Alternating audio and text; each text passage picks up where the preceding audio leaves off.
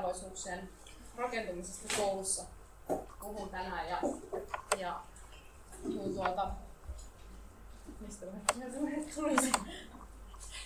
No, työhommina on, on tullut tuolta Helsingin yliopistolta. Mutta, mutta mä ajattelin, että mä kerron niin oikeastaan neljäs pätkäs tästä jutusta, jotka liittyy aina vähän toisiinsa, mutta, mutta kuitenkin yritän pysyä jossain järjestyksessä. Eli mä kerron ensin vähän siitä niin laajemmin, että mistä mä tulen ja miksi mä ryhdyin tekemään tällaista tutkimusta. Ja jatkan tämän tyyppisten teemojen kanssa edelleen. Ja, ja tota, sitten mä kerron siitä, mitä mun mielestä on kriittinen kasvatustutkimus, minkälaisia asioita mä haluaisin, että se ottaisi huomioon siinä vaiheessa, kun ryhdytään tekemään. Sitten mä kerron siitä, että, että miten koulussa eri tavoin toiselta tuotetaan ja keistä kaikista tulee siellä toisia ja, ja, ja mikä se niin kuin, dynamiikka on. Ja mitä sitten tehdään niille, joista on tehty toisia. Eli kuinka, kuinka lyhytään erilaisiin järjestyksen laittamisen ja normaalistamisen ja ulkopuolelle ulkoistamisen niin kuin, systeemeihin sitten, niin kuin, kun, kun on ensin toiseksi tehty. Nämä liittyy toisiinsa, että monesti samaan aikaan sekä tehdään toiseksi, että sitten voidaan jo vaikka laittaa järjestykseen, mutta kuitenkin niin kuin, näin. Ja, ja se, että mistä mä itse tuun, niin mä oon syntynyt itäsuomalaisessa kaivosteollisuuskaupungissa maanviljelijäperheeseen. Ja, ja tavallaan niin kuin nähnyt jotenkin siinä sellaisen, mitä nyt sanoisin, ma, ma, maaseudun maanviljelijä versus sit kaivostyöläisen tällaisen niin kuin asettelun siinä. Ja sitten mä oon tullut Helsinkiin lukioikäisenä muuttanut ja, ja siinä vaiheessa niin tutustunut jotenkin tämmöiseen niin keskiluokkaiseen Helsinkiin, voisi sanoa, ja, ja käynyt sellaisen lukion myöskin, joka ehkä niin sijoittuu sinne niin eliittilukioihin jossain mielessä. Ja, ja tota, sitten mä itse tuun katsomusvähemmistöstä suhteessa sekulaariin luterilaiseen katsom, niin kuin tähän katsomusenemmistöön, miten mä sen määrittelen. Ja, ja sitten mun ala-asteen oppilaat on ollut seitsemää eri katsomusta. Et mä oon nähnyt sen tyyppisiä juttuja siellä koko ajan. Ja, ja sitten tota, tavallaan tämän kautta, että mä oon elänyt siellä maaseudulla, maatilalla ja sitten mä oon muuttanut Helsinkiin, mä oon nähnyt myös sellaisia asioita, että miten niin käsitys naiseudesta tai tyttöydestä tai muuta, niin on hyvin erilainen riippuen siitä, että, että minkälainen konteksti on ja millä tavalla niin kuin tätä sukupuolta eri paikoissa tehdään, mitkä on odotukset ja miten ne voi olla aika erilaiset eri paikoissa. Eli tämän tyyppisiä asioita on joutunut miettimään, mutta sitten mä oon myöskin omassa niin kuin lähiympäristössäni niin paljon nähnyt erilaisia juttuja, joiden kautta tuotetaan toiselta, ihmisiä ulkoistetaan niin kuin tavallaan erilaisiin paikkoihin, laitetaan säilöön, se, säilytään liemeen, pois yhteiskunnasta tietysti mielessä niin kuin, pois ikään kuin häiriköimästä ja, ja monenlaisia juttuja, että kuinka esimerkiksi vaikka erityisopetuksen tai jonkun kautta ollaan tuotettu semmoinen, että ikään kuin ensin sä käyt erityisluokan ja sitten sen jälkeen sä oot erityis sitä ja tätä ja sitten sä, sun pitäisi olla erityisammatti ja lopulta sulle ei ikään kuin olekaan niin kuin samoja chanceja enää yhteiskunnassa, vaan sen takia, että sä oot aloittanut sen niin sympatia siellä erityisluokalla. Ja, ja niin kuin, monia tämmöisiä näin, eli kohtaamisia ihmisten kanssa ystäväpiirissä omassa niin lähipiirissäni muutenkin.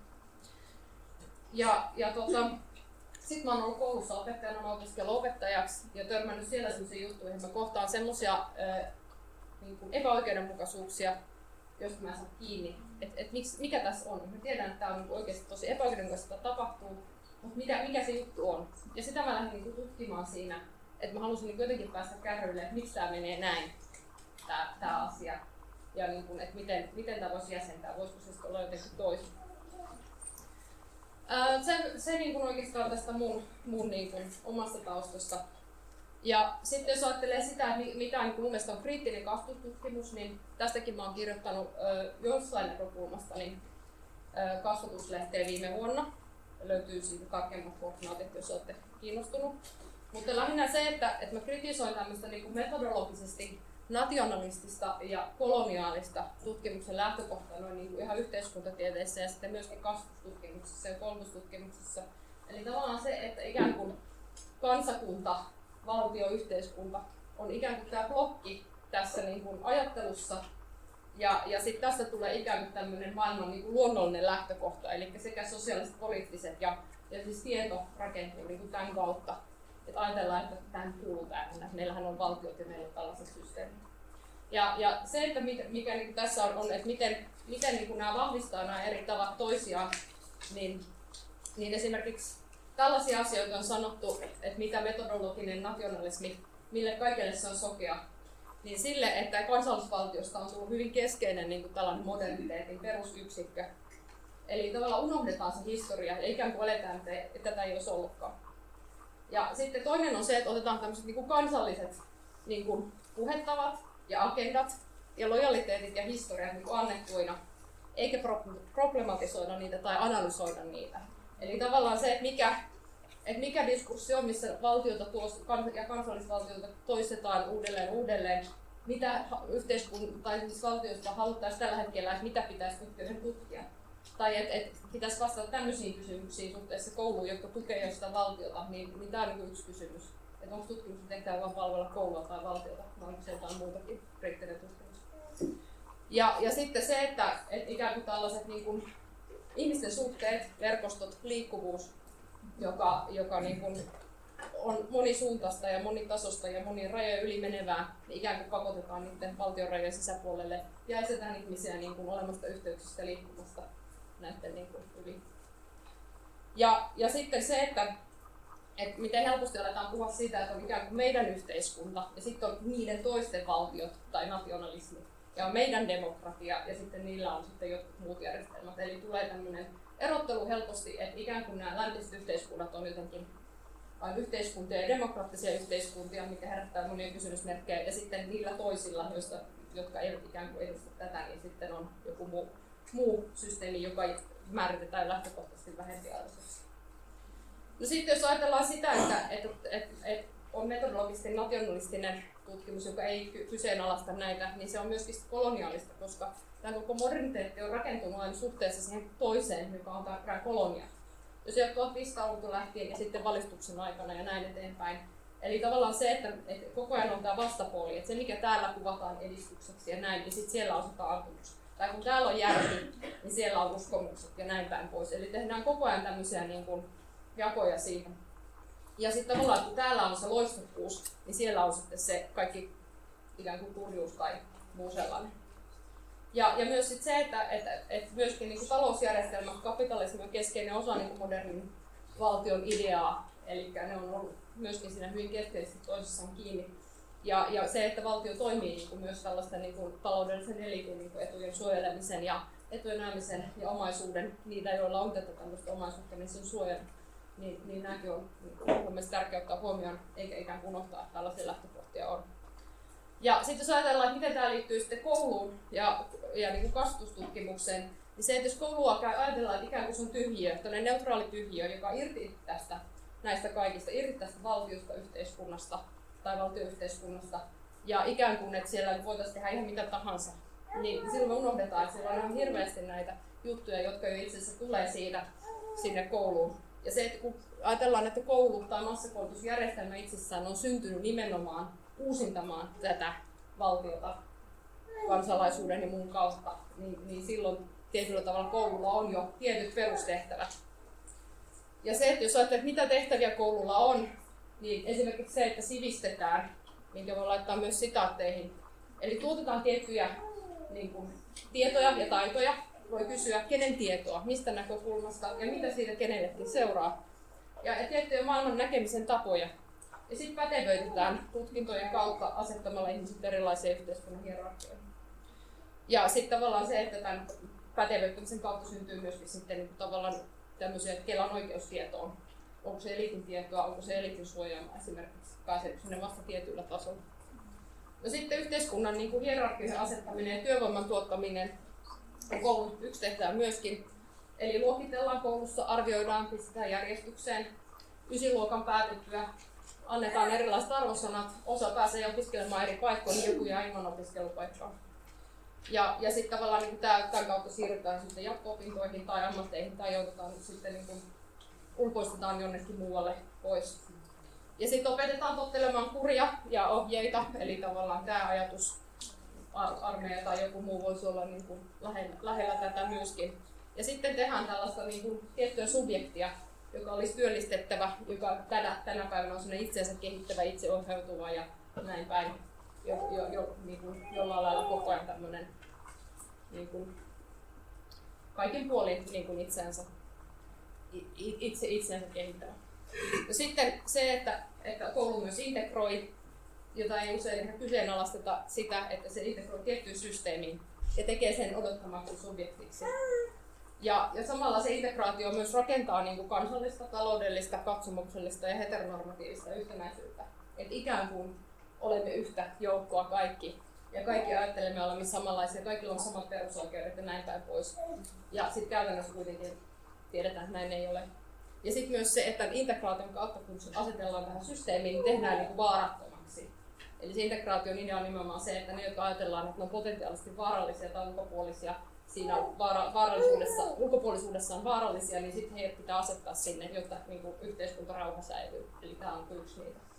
Sitten koulu normaalistaa myöskin, eli tämä liittyy siihen, siihen tota, järjestyksen asettamiseen ja, ja tuotetaan näitä jakoja normaaliin ja epänormaaliin tai normaalia poikkeavaan. Ja sitten koulu myös varastoi, eli, eli tavallaan pitää lapset ikään kuin poissa pahan teosta, kun vanhemmat tai huoltajat on töissä. Ja, ja tavallaan tämäkin on niin se teollistumiseen liittyvä aika, että kun ihmiset menee töihin, lapset piti laittaa jonnekin tai se koulu, joka pitää siellä jossakin. Ja, ja tavallaan tämän, tämän kautta sitten niin tulee tämä, ja sitten tämmöinen niin jossain määrin viihdyttämisen tehtävä. Ja sitten myöskin se, että jos ajatellaan, että kasvataan kansallisuuteen, tulee me ja muut jakoja, ja, ja sitten niin kuin, asetetaan tämmöinen niin kuin kansalaisuuden tekeminen tämmöisen kansalaisetiikan kautta. Ja tämä on mielestäni kiinnostavaa, koska sitten tulee tämä ajatus kansalaisen vastuusta ja velvollisuuksista hyvin nopeasti. Ja etiikka, mikä olisi lähtökohtaisesti mun suhde toiseen ihmiseen, tai mun suhde joihinkin ihmisiin, ihmisryhmään, niin ei olekaan enää niin kuin sitä, vaan siitä tulee kansalaissuhde. Että mä ikään kuin kansalaisena, mulla, mulla on tietty etiikka, jonka kautta mä suhtaudun tuohon toiseen kansalaisen, tai siihen, joka ei ole kansalainen, kuuluu jonnekin muualle. Ja, ja silloin tavallaan sitä mun eettisen toiminnan niin kuin lähtökohtia ei enää määritäkään lähtökohtaisesti se ihmisten välinen kanssakäyminen, vaan se, mitä valtion laki esimerkiksi sanoo. Ja silloin voi käydä niin, että tilanteessa, jossa ne lait toimii hyvin epäoikeudenmukaisesti, niin niitä silti noudatetaan, vaikka niin kuin itse asiassa niin kuin ne tekee kaikenlaisia asioita. Ja, ja silloin ihmiset ikään kuin alkaa arvioimaan sitä moraalisen toiminnan niin kuin, tasoa sen kautta, että, että onko se nyt lainmukaista vai ei. Ja tämä on yksi, mitä koulu myöskin opettaa noudattamaan sitä lakia. Eli tällaisia niin kuin lähtö, lähtökohtia siihen, että mitä se on. Ja Stivak on esimerkiksi puhunut siitä, että kuinka koulu koulun tavoittelema tämä ideaali kansalainen on tämmöinen rationaalinen, sivistynyt ja autonominen, valkoinen, eurooppalainen, tämmöinen keskiluokkainen heteroseksuaalinen miessubjekti ja vielä sitten tämmöinen fyysisesti ja psyykkisesti niin kuin kyvykäs. Eli se on niin kuin se koulutuksen ideaali ja nyt niin kuin sen kautta voi ajatella, että ketä kaikkia toisia tähän tulee tuotetuksi. No sitten voi niin kuin taas kysyä jo lähtökohtaisesti, että onko mahdollista, että koulu on tasa-arvoinen, kun sillä on tämmöiset niin lähtökohdat. Ja, ja tavallaan, että onko se vahinko, että puhutaan toiseuttava, onko se itse asiassa juuri se, mitä se niin kuuluukin tehdä, koska se palvelee tiettyä järjestelmää, ja, ja tavallaan niin kuin ne, jotka eivät sovi siihen niin kuin mielessä, niin heistä tulee toisia. Ja mä ajattelen, että itse asiassa niin kuin hyvin paljon tässä on kysymys nimenomaan siitä, että et, et koulu palvelee sitä tehtävänsä. Se ei välttämättä ole aina sitä, että se tietoisesti ja tarkoituksella tehtäisiin, mutta koulutuksen rakenteet toimii niin, että sen tietyn liikkumatilan jälkeen niin tulee aina vastaan raamit ja niiden puitteissa niin kun joudutaan kuitenkin sitten tekemisiin sellaisten asioiden kanssa, kuten vaikka arviointi. Opettaja joutuu jossain vaiheessa antaa ne arvosanat ja se tuottaa, niin kuin tekee tehtävänsä sen jälkeen. Ja, ja sitten tavallaan se, että et, et, niin kuin lähtökohtaisesti myös tässä se, että olisi niin kuin tärkeää kysyä aina sitä rakenteesta, että nyt on sellaista niin kuin paljon että syytellään aina jotain ryhmää. Meillä on vaikka kauhean surkeat opettajat tai sitten on joku muu asia huonosti tai ei ole rahaa. Mutta mä ajattelin, että okei, niin niiden takana on kuitenkin se rakenne. Että ei tavallaan mentä siihen, että puhutaan yksilöistä, kun me edes puhua rakenteellisesta kysymyksestä. Eli tavallaan se, että mä lähtisin se, että me kysytään, että mitä varten koulu on olemassa ja mikä on se järjestelmä, että se palvelee. Ja jos halutaan lähteä muuttamaan, niin siis lähdetään sieltä järjestelmästä eikä niinku sieltä pienten nippeleiden muuttamisesta koulusta, jos halutaan niin kuin oikeasti puhua jostakin ihan muuttumisesta, eli valtion rakenteen purkamisesta käytännössä. No sitten mä menen siihen, että mitä on, mitä on niin toiseus koulussa. Eli se, että toiseus vaatii aina sitä, että me tehdään joku ero ja kategorisoidaan ja hierarkisoidaan. Ja, ja silloin toiseus on niin kuin tavallaan eriarvos, eriarvoinen suhde tai epäsymmetria. Eli on jotkut, joista tulee ensimmäisiä ja sitten ne, joista tulee toisia. Ja, ja se, että silloin niin kuin pelkistetään, että millä perusteella, minkä asian suhteen me niin kuin tavallaan nyt asetetaan jotkut ensimmäiseksi ja jotkut muut toisiksi. Ja se, että tässä on niin tärkeää ymmärtää se, että nämä erot ei ole olemassa. Ne ei ikään kuin vaan ole jossakin tämmöisenä luonnollisina eroina, vaan me tehdään niitä itse. Ja, ja silloin on niin kuin tärkeää niin kuin tavallaan niin kuin ajatella se, että kun jossakin kontekstissa saa tietynlaisen vaikka leiman otsansa, niin se on se kontekstin tuottama juttu. Se ei ole semmoinen, joka kulkee sen ihmisen mukana, vaan se on sen, se konteksti tekee sen. Ja, ja sitten tosiaan niin, se, että millä kaikilla tavoilla toiselta tehdään, mä yritän näyttää täältä näitä kuvia, niin tosiaan tulee se ensimmäinen ja toinen. Ja se ensimmäinen muodostuu niin kuin normaaliksi. Et se on ikään kuin se normaali ja tavallinen ja luonnollinen, johon verrataan sitten näitä toisia. Ja siitä tulee usein tällaista niin poikkeavaa, epätavallista ja luonnotonta. Ja tuo oranssi tuolla niin kuvaa sitä ajatusta tästä ikään kuin kehityksen jatkumusta, että kuinka tuossa on usein tämä ajatus tästä humanistisesta niin kuin, humanismin idea tästä kehittyvästä ihmissubjektista. Eli tuolla taantumuksesta, jossa toiset ovat, niin nyt tämän niin kuin kehityksen kautta ja koulukasvatuksen kautta ikään kuin siirrytään tänne edistykseen, tänne kehityksen huipulle ja johonkin tämmöiseen. Ja tavallaan tässä usein, niin kuin tosi monessa on ikään kuin piilorakennettuna, jos ei ilmiselvästi nähtävinä, niin tämä ajatus tästä kehityksestä, että ne, jotka ovat toisia, niin niissä on jotain, että miten niitä pitäisi muuttaa ja kehittää jollain tavalla, jotta ne saataisiin tänne näihin normaaleihin. Eli tämä on niin kuin se ajatus siinä, mistä se lähtee liikkeelle. Ja sitten jos mietitään, että mitä kaikkia toiseuksia, tässä on nyt liuta joitakin ja niitä on paljon enemmän. Että mä en yritä sanoa, että tässä on kaikki, en kaikkia näitä ole voinut tutkia, mutta joitakin näistä. Eli kuinka ikään kuin tietyt tämmöiset ihmiseen liittyvät asiat ensin tekee sen niin kuin jaon. Ja sitten vielä on näitä tämmöisiä, että kuinka muodostetaan tämä käsitys vapaasta ja itsenäisestä esimerkiksi tai loogisesta. Ja sen vastakohdaksi tulee sitten tämä sidottu ja epäitsenäinen ja järjetön ja epälooginen ja näin. Tai, tai sitten ne, jotka tietävät ja jotka eivät tiedä. Ne, jotka jo osaavat, ne, joita pitää opettaa. Ne, jotka, ne, jotka tota, on tasa-arvoisia ja ne, jotka eivät ole. Että tässä on koko ajan kysymys tällaisesta niin kuin, jaosta. Sitten se, että mistä kaikesta muusta niin kuin, on kysymys, niin toiselta muodostetaan niin kuin, tiedon kautta. Eli lähtökohtaisesti tietoja voi tehdä se, että me nähdään ihminen tietyllä tavalla. Me voidaan nähdä hänet toisena. Sitten me voidaan, meillä on erilaisia puhetapoja, joissa tavallaan tulee ilmi se erilaisia diskursseja, joissa nähdään se, että mitä, ää, niin kuin, miten joistakin tehdään siinä ensimmäisiä joistakin toisia.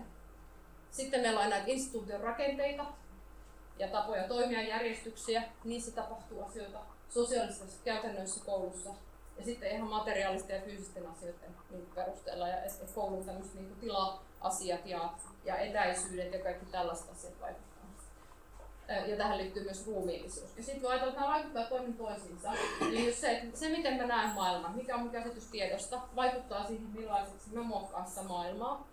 Ja se, missä mä oon ehkä niin kuin vaikka syntynyt ja elänyt se konteksti, minkälaisia asioita mun ruumiiseen on liitetty, onko mun esimerkiksi leimattu vammaiseksi tai, tai mieheksi tai naiseksi tai, tai jotenkin tähän sopimattomaksi, tai onko mä missä mä asun, asunko mä Helsingin niin kuin keskustassa vai asunko mä periferiassa niin tietyllä tavalla niin kaikki tällaiset asiat vaikuttaa siihen, mitä mä näen maailman. Ja esimerkiksi se, että mä oon syntynyt siellä Itä-Suomessa, joka, josta tulee periferiaan, niin vaikuttaa siihen, miten mä näen niin kuin täältä nämä puhettavat, jotka liittyy hyvin usein Helsinkiin ja Helsingin keskustaan. Mä näen tämmöisen niin kuin alueellisen eriarvoisuuden myöskin siinä hyvin usein. Eli nämä vaikuttaa toinen toisiinsa.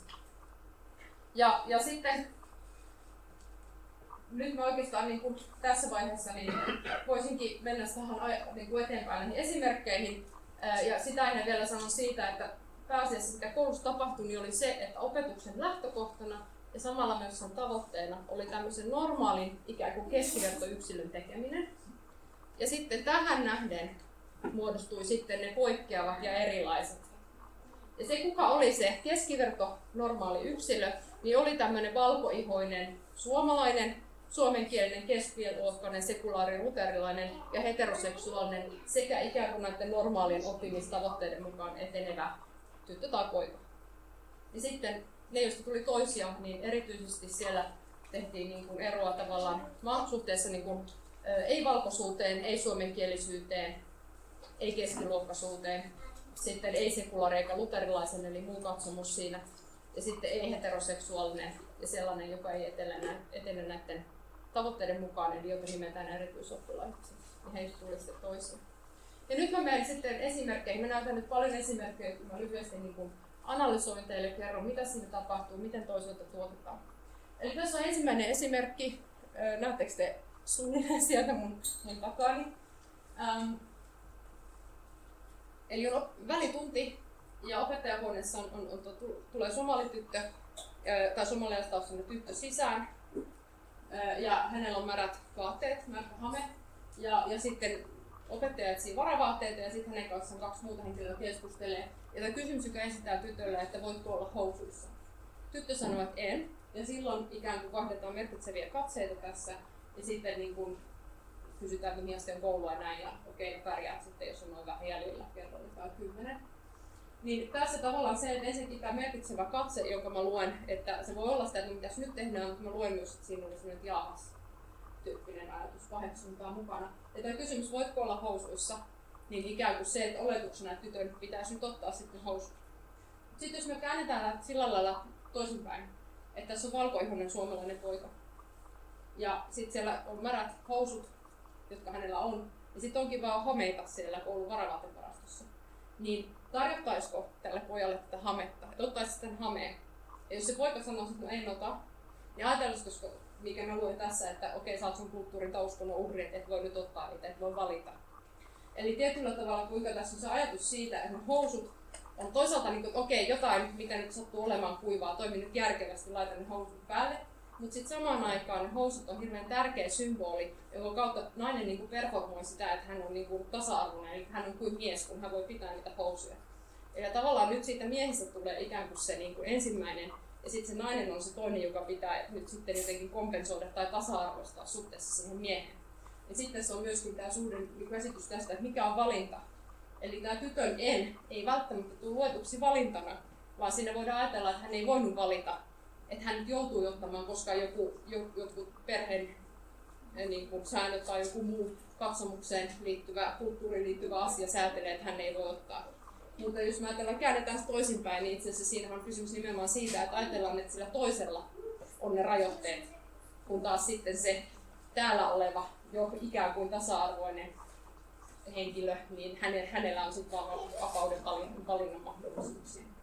Eli tässä on niin monia asioita, että kuinka tasa-arvokäsitys on ikään kuin semmoinen, että, että joilla sitä tasa-arvoa ja valintaa on ja toisilla ei. Ja sitten se, että, että mikä, mikä tavallaan ajatellaan, että minkä kaltaiseksi tullaan, että onko siinä se miesnormatiivi, johon nähden sitten naista kompensoidaan.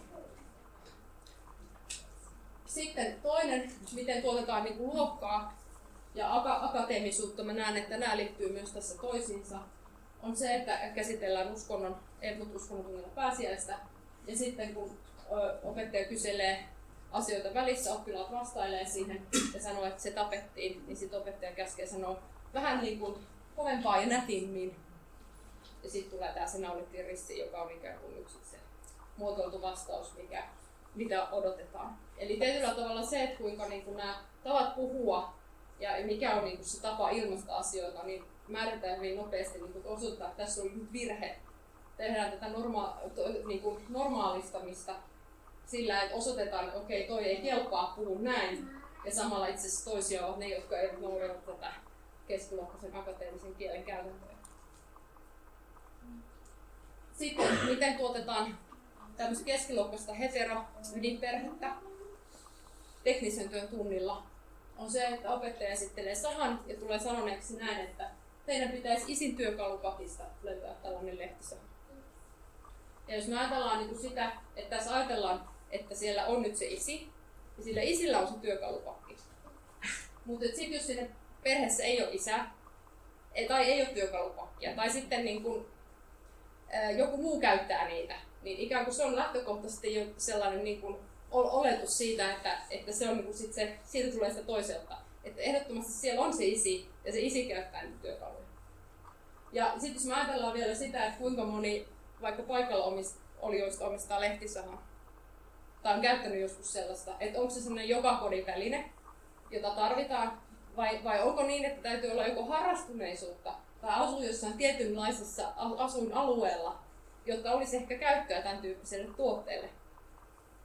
Eli miten tavallaan oletus siitä, että tämä alue, missä tämä koulu oli, niin on sellainen, missä oli paljon niin pientaloja omakotiasuntoja.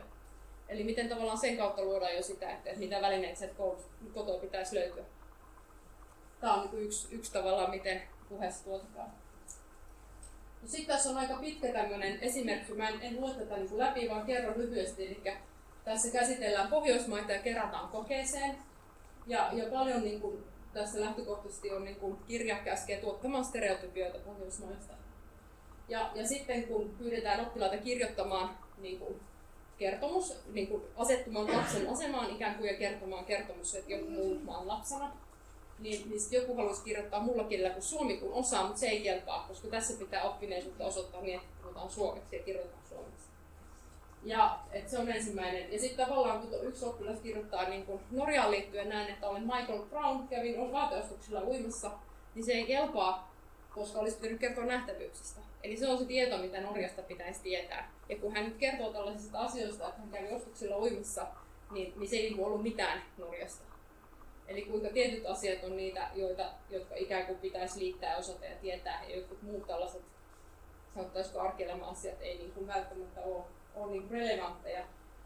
Ja, ja sitten kun oppilaat niin pohtii, että mitä opettaja kysyy, että mitä pitäisi opetella, niin nähtävyydet tulee sitten sieltä oppilaalta, että se on ne, mitä pitää tietää. Eli tavallaan voi niin miettiä, että kuinka paljon sitten se, että käy nähtävyyksiä, niin on sitten sen osulaislapsen niin arkipäivää, että se käy nyt huonoja ja kaikkea muuta katsoa, vai olisiko ehkä sitten ne uimiset ja vaateostokset kuitenkin niin kuin jossain mielessä ainakin jotain porukkaa vähän lähempänä. Eli, eli miten tässä tavallaan tuetaan kansallisia stereotypioita ja sitten toistetaan näitä niin kuin monumentaalisia valtioinstituution juttuja myös samalla. No sitten on se, että mitä kuullaan ja keneltä se kuullaan. Eli täällä on sitten niin kuin kakkosluokan itse asiassa ympäristö- ja luonnontiedooppitunti, jossa puhutaan kevään kukista. Ja sitten yhtäkkiä oppilas heittää niin tällä, että hei opet, mä menen keväällä Kosovoon. Ja, ja sitten opettaja niin kuin alkaa ikään kuin tässä tuottamaan niin kuin jotain tietoa oppilaalle, sanoo, että Kosovossa uskonto on islam. Ja sitten oppilas jatkaa siitä, että hei, mä saan siellä oman ko- niin kuin koiranpennun. Eli se viesti on se, että mä menen mummolaan ja siellä on mulle koiranpennu. Ja sitten opettaja kysyy, että teillä on kuitenkin koiria. Ja mä luen, että tämä kysymys on sellainen, että, että tässä ikään kuin tämä opettaja olettaa, että kun Kosovossa on islamuskontona, niin siellä ei sitten voi olla koiria, ainakaan lemmikkikoiria. Ja hän niin ryhtyy oppilaalta ikään kuin tarkistamaan, että no miten tämä asia niin on, että voiko teillä olla niitä. Ja sitten oppilas, joka yritti kertoa sitä mummolan koirasta, koiranpennusta, niin joutuukin mukaan tähän diskurssiin ja vastaa sitten, no joo, katukoiria, ikään kuin nappaa siitä opettajan syöttämästä ajatuksesta kiinni. Ja, ja silloin se, mistä hän oli itse asiassa puhumassa, siitä mummolassa olevasta koiranpennusta menee niin ihan ohi, että siihen ei kiinnitä huomiota ollenkaan. Ja, ja sitten opettaja kokoo sitä niin yhteen näin, että okei, okay, tämä oppilas menee Kosovoon ja siellä on iso vanhemmat ja saa oman koiranpennun ja varmaan sitten kuullaan niin syksyllä lisää. Mutta tavallaan se, että, että minkälaisen niin kuin, tiedonkäsityksen kautta opettaja lähestyy, lähestyy tätä tota, oppilaan kertomusta, niin siinä niin kuin, hänellä oli tietyt jutut, ja se, että hän ei suhtautunut siihen koiranpentuun ihan niin kuin kenen tahansa oppilaan puheeseen, että ai sä saat koiranpennun, vaan siinä oli heti tietyt jutut niin kuin läsnä.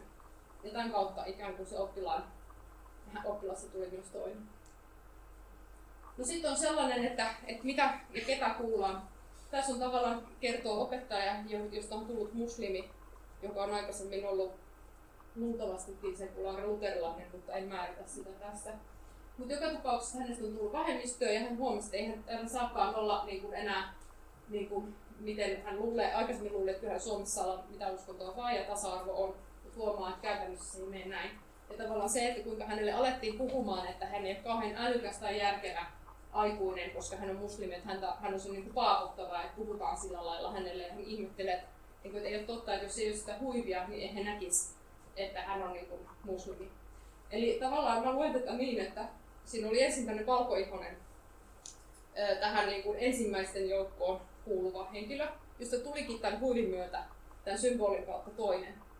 Ja tavallaan se, mikä hänen lähtökohtaisesti liitettiin tämmöisenä valkoihoisena eurooppalaisena henkilönä, että et hän on se järkevä tyyppi, niin sitten se otettiin häneltä pois siinä, koska kun hänellä on se huivi, niin kukaan ikään kuin järkevä henkilö hän ei voi tulla muslimiksi, vaan sitten täytyy olla jotain, että miksi hän ei ole järkevä, ja sitten hänestä tehdään se niin kuin toinen siinä. Eli tavallaan se huivi niin kuin tuottaa siihen sen, että hänestä aletaan puhumaan, niin hänet asetetaan sinne niin kuin toisten joukkoon, josta pitää pitää huolta tai joita pitää jotenkin niin katsoa perään ja näin. Ja sitten hän puhuu myös siitä, että jossain tilanteessa häntä myöskin kuullaan, että hänellä sitten kuitenkin on semmoinen puolesta puhujan positio siinä tilanteessa, että kun niitä, jotka on ei-valkoihoisia, ei-eurooppalaisia ja muslimeja, ei kuultaisi ollenkaan, niin hän voi puhua sitten heidän puolestaan, kun hän sitten kuitenkin on suomenkielinen Suomessa syntynyt valkoihoinen henkilö, niin häntä sitten paremmin kuullaan vaikka ympärileikkauksen tai johonkin liittyvissä asioissa, kuin sitten niitä, jotka jo lähtökohtaisesti ikään kuin ovat toisia. Eli tavallaan se, että tässä hänellä on niin jännä positio siinä, että hän on toisaalta hänestä tullut toinen, mutta sitten joissain tilanteissa hän voi kuitenkin puhua toisten puolesta. No sitten se, että, että miten suomalaisuus on myös niin kuin ehdollista. Eli se, että kun tässä on kysymys sellaista henkilöstä, joka on tullut, tullut Su- Su- Suomeen ja sitten häneltä kysyy, että onko hän kokenut erilaisuutta, niin, niin hän kertoo, että no onhan se tilanne ja hän ei ole suomalainen. Mutta sitten hän alkaa kertoa siitä, kuinka se, että et ei kukaan ole siitä kiinnittänyt huomiota ja hän tietää nämä asiat ja yrittää kehittää itseänsä ja hänelle ei ole sanottu mitään negatiivista ja opettaa vielä suomalaisia ja suomenkielisiä lapsia. Eli, eli tavallaan se, että häne, hänelle ei niin synny sitä tilaa kertoa, jos hänelle vaikka mahdollisesti olisi kohdeltukin huonommin. Ja hänelle ikään kuin se, että kun hän on tullut, niin hän täytyy koko ajan todistaa itseensä ja niin kuin ikään kuin osoittaa sitä niin kuin osaamistaan suhteessa siihen valkoihoiseen suomenkieliseen opettajaan, johon nähden hän on koko ajan vähän niin kuin semmoisessa, semmoisessa niin epävarmassa positiossa. Ja, ja silloin tavallaan tästä on myös puhuttu rasismitutkimuksessa paljon, mutta välttämättä niitä asioita ei tuoda ilmi, koska silloin voi käydä, tai kokee näin ainakin, että, että siinä niin kuin, voi käydä niin, että tullaankin nähdyksi, että se ongelma onkin, tai se heikkous tai joku on siinä ihmisessä, eikä se ole niin rakenteellinen ongelma, se rasismi. Ja tästä tavallaan ei myöskään synny sitä tilaa, että hän niin pystyisi keskustelemaan, vaan hänen pitää heti alkaa osoittaa sitä. Ja, ja tämä ei ole niin pelkästään sen opettajan, vaan siis myöskin lapset oli keskustellut koulussa, tämä on samasta kontekstista, että onko se oikea opettaja, että kun se ei ole Suomessa syntynyt ja, ja onko sillä nyt ihan oikea opettajakoulutus ja, ja näin ja muuta, että, että tavallaan niin kuin kuinka, kuinka sitten niin syntyy tämä keskustelu, ketkä ovat oikeita opettajia ja ketkä sitten ehkä mahdollisesti eivät ole. Samalla lailla tämä niin kuin oikea opettajapuhe syntyi myöskin tuolla niin kuin koulun johtoportaassa. Eli tavallaan se, että puhuttiin siitä, että kelle voi laittaa iso oppilasryhmän, niin, niin se on se, että jos on opettajan koulutus, suomalainen opettaja, niin hänellä on ryhmähallintataitoja. Mutta sitten, jos ei ole sitä opettajan koulutusta ja ei ole suomalainen, valkoinen suomalainen, suomenkielinen, niin sitten lähtökohtaisesti on jo ongelmia. Eli, eli tavallaan se, että kuinka siitä tulee niin kuin tämä. Ja sitten voi miettiä, miten tämä PISA-diskurssi ja nämä niin kuin koulun erinomaisuuden puhuttavat kun myös liittyy siihen, että ikään kuin suomalainen koulu olisi joku tämmöinen öö, lähes täydellinen autoaksi tekevä laitos. Ää, no sitten se, että, että jos ajatellaan näitä niin kuin hierarkioita ja muita, niin, niin vaikka siellä niin kuin joillain on enemmän valtaa koulussa kuin toisilla, esimerkiksi opettajalla on enemmän valtaa kuin oppilaalla, niin sitten kuitenkin mä niin näen, että se valta toimii myös niin, että ne molemmat positiot, opettajan positio ja oppilaan positio, on vallantuotteita. Ja, ja se, että se opettaja, jos ei se niin kuin toimi opettajasti esimerkiksi, niin, niin silloin hän ei, häneltä menee se positio. Ja sitten myöskin se, että kuinka tätä toiselta ei niin kuin aina tuoteta pelkästään niin kuin ylhäältä alaspäin, vaan kuinka se tuotetaan yhdessä. Eli esimerkiksi tässä, kun on tämä lauluhetki, jossa on nämä liikuntaleikit ja sukupuolittuneet roolit, niin, niin siinä niin kuin oppilas sit mulle kertoo, kertookseen, että miten mun pitäisi sukupuolinen mukaan toimia, että ensin tulee poika ja sitten tulee tyttö. Ja sitten hän kiusottelee kaveria, että toi on tyttö. Ja sitten opettaja vetoaa tähän, että hei, eiköhän me nähdä kuka on kuka. Niin tavallaan se, että opettaja tässä mä luen näin, että yrittää puuttua siihen. Että hän ei suoraan sano, että hei, että et, älä puhu noin, eikä hän ala muutenkaan sitä purkamaan, vaan hän vetoaa siihen, että kyllähän nyt nähdään kuka on kuka. Mutta itse asiassa silloin hän tulee nimenomaan alleviivanneeksi just sitä pointtia, joka tässä pojan kiusaamisessa oli. Koska ei, ei, se kiusaaminen menettäisi pontensa silloin, jos tavallaan pojan kiusaaminen, sanominen tytöksi ei olisi jotenkin ikään kuin epänormaalia. Eli siellä on takana se luonnollinen sukupuolikäsitys, että me nähdään kuka on poika ja kuka on tyttö, ja se on sitten niin kuin näissä kahdessa kategoriassa. Ja, ja silloin kun opettaja vetoaa tähän, niin hän itse asiassa niin kuin, vaan mahdollistaa sen niin kuin, jatkumisen jossain mielessä, vaikka yrittääkin puuttua.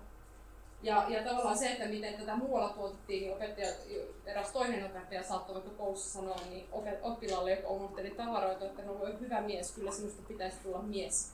Ja sitten sen jälkeen toinen oppilas sanoi, että no siitä tulee nainen, niin kuin sille kuittaa sille luokkakaverille. Eli kuinka tavallaan tällä niin kuin sukupuolen dikotomisuuden sen kautta tulla epänormaaliudella niin kuin voidaan sitten kiusata myöskin toisia.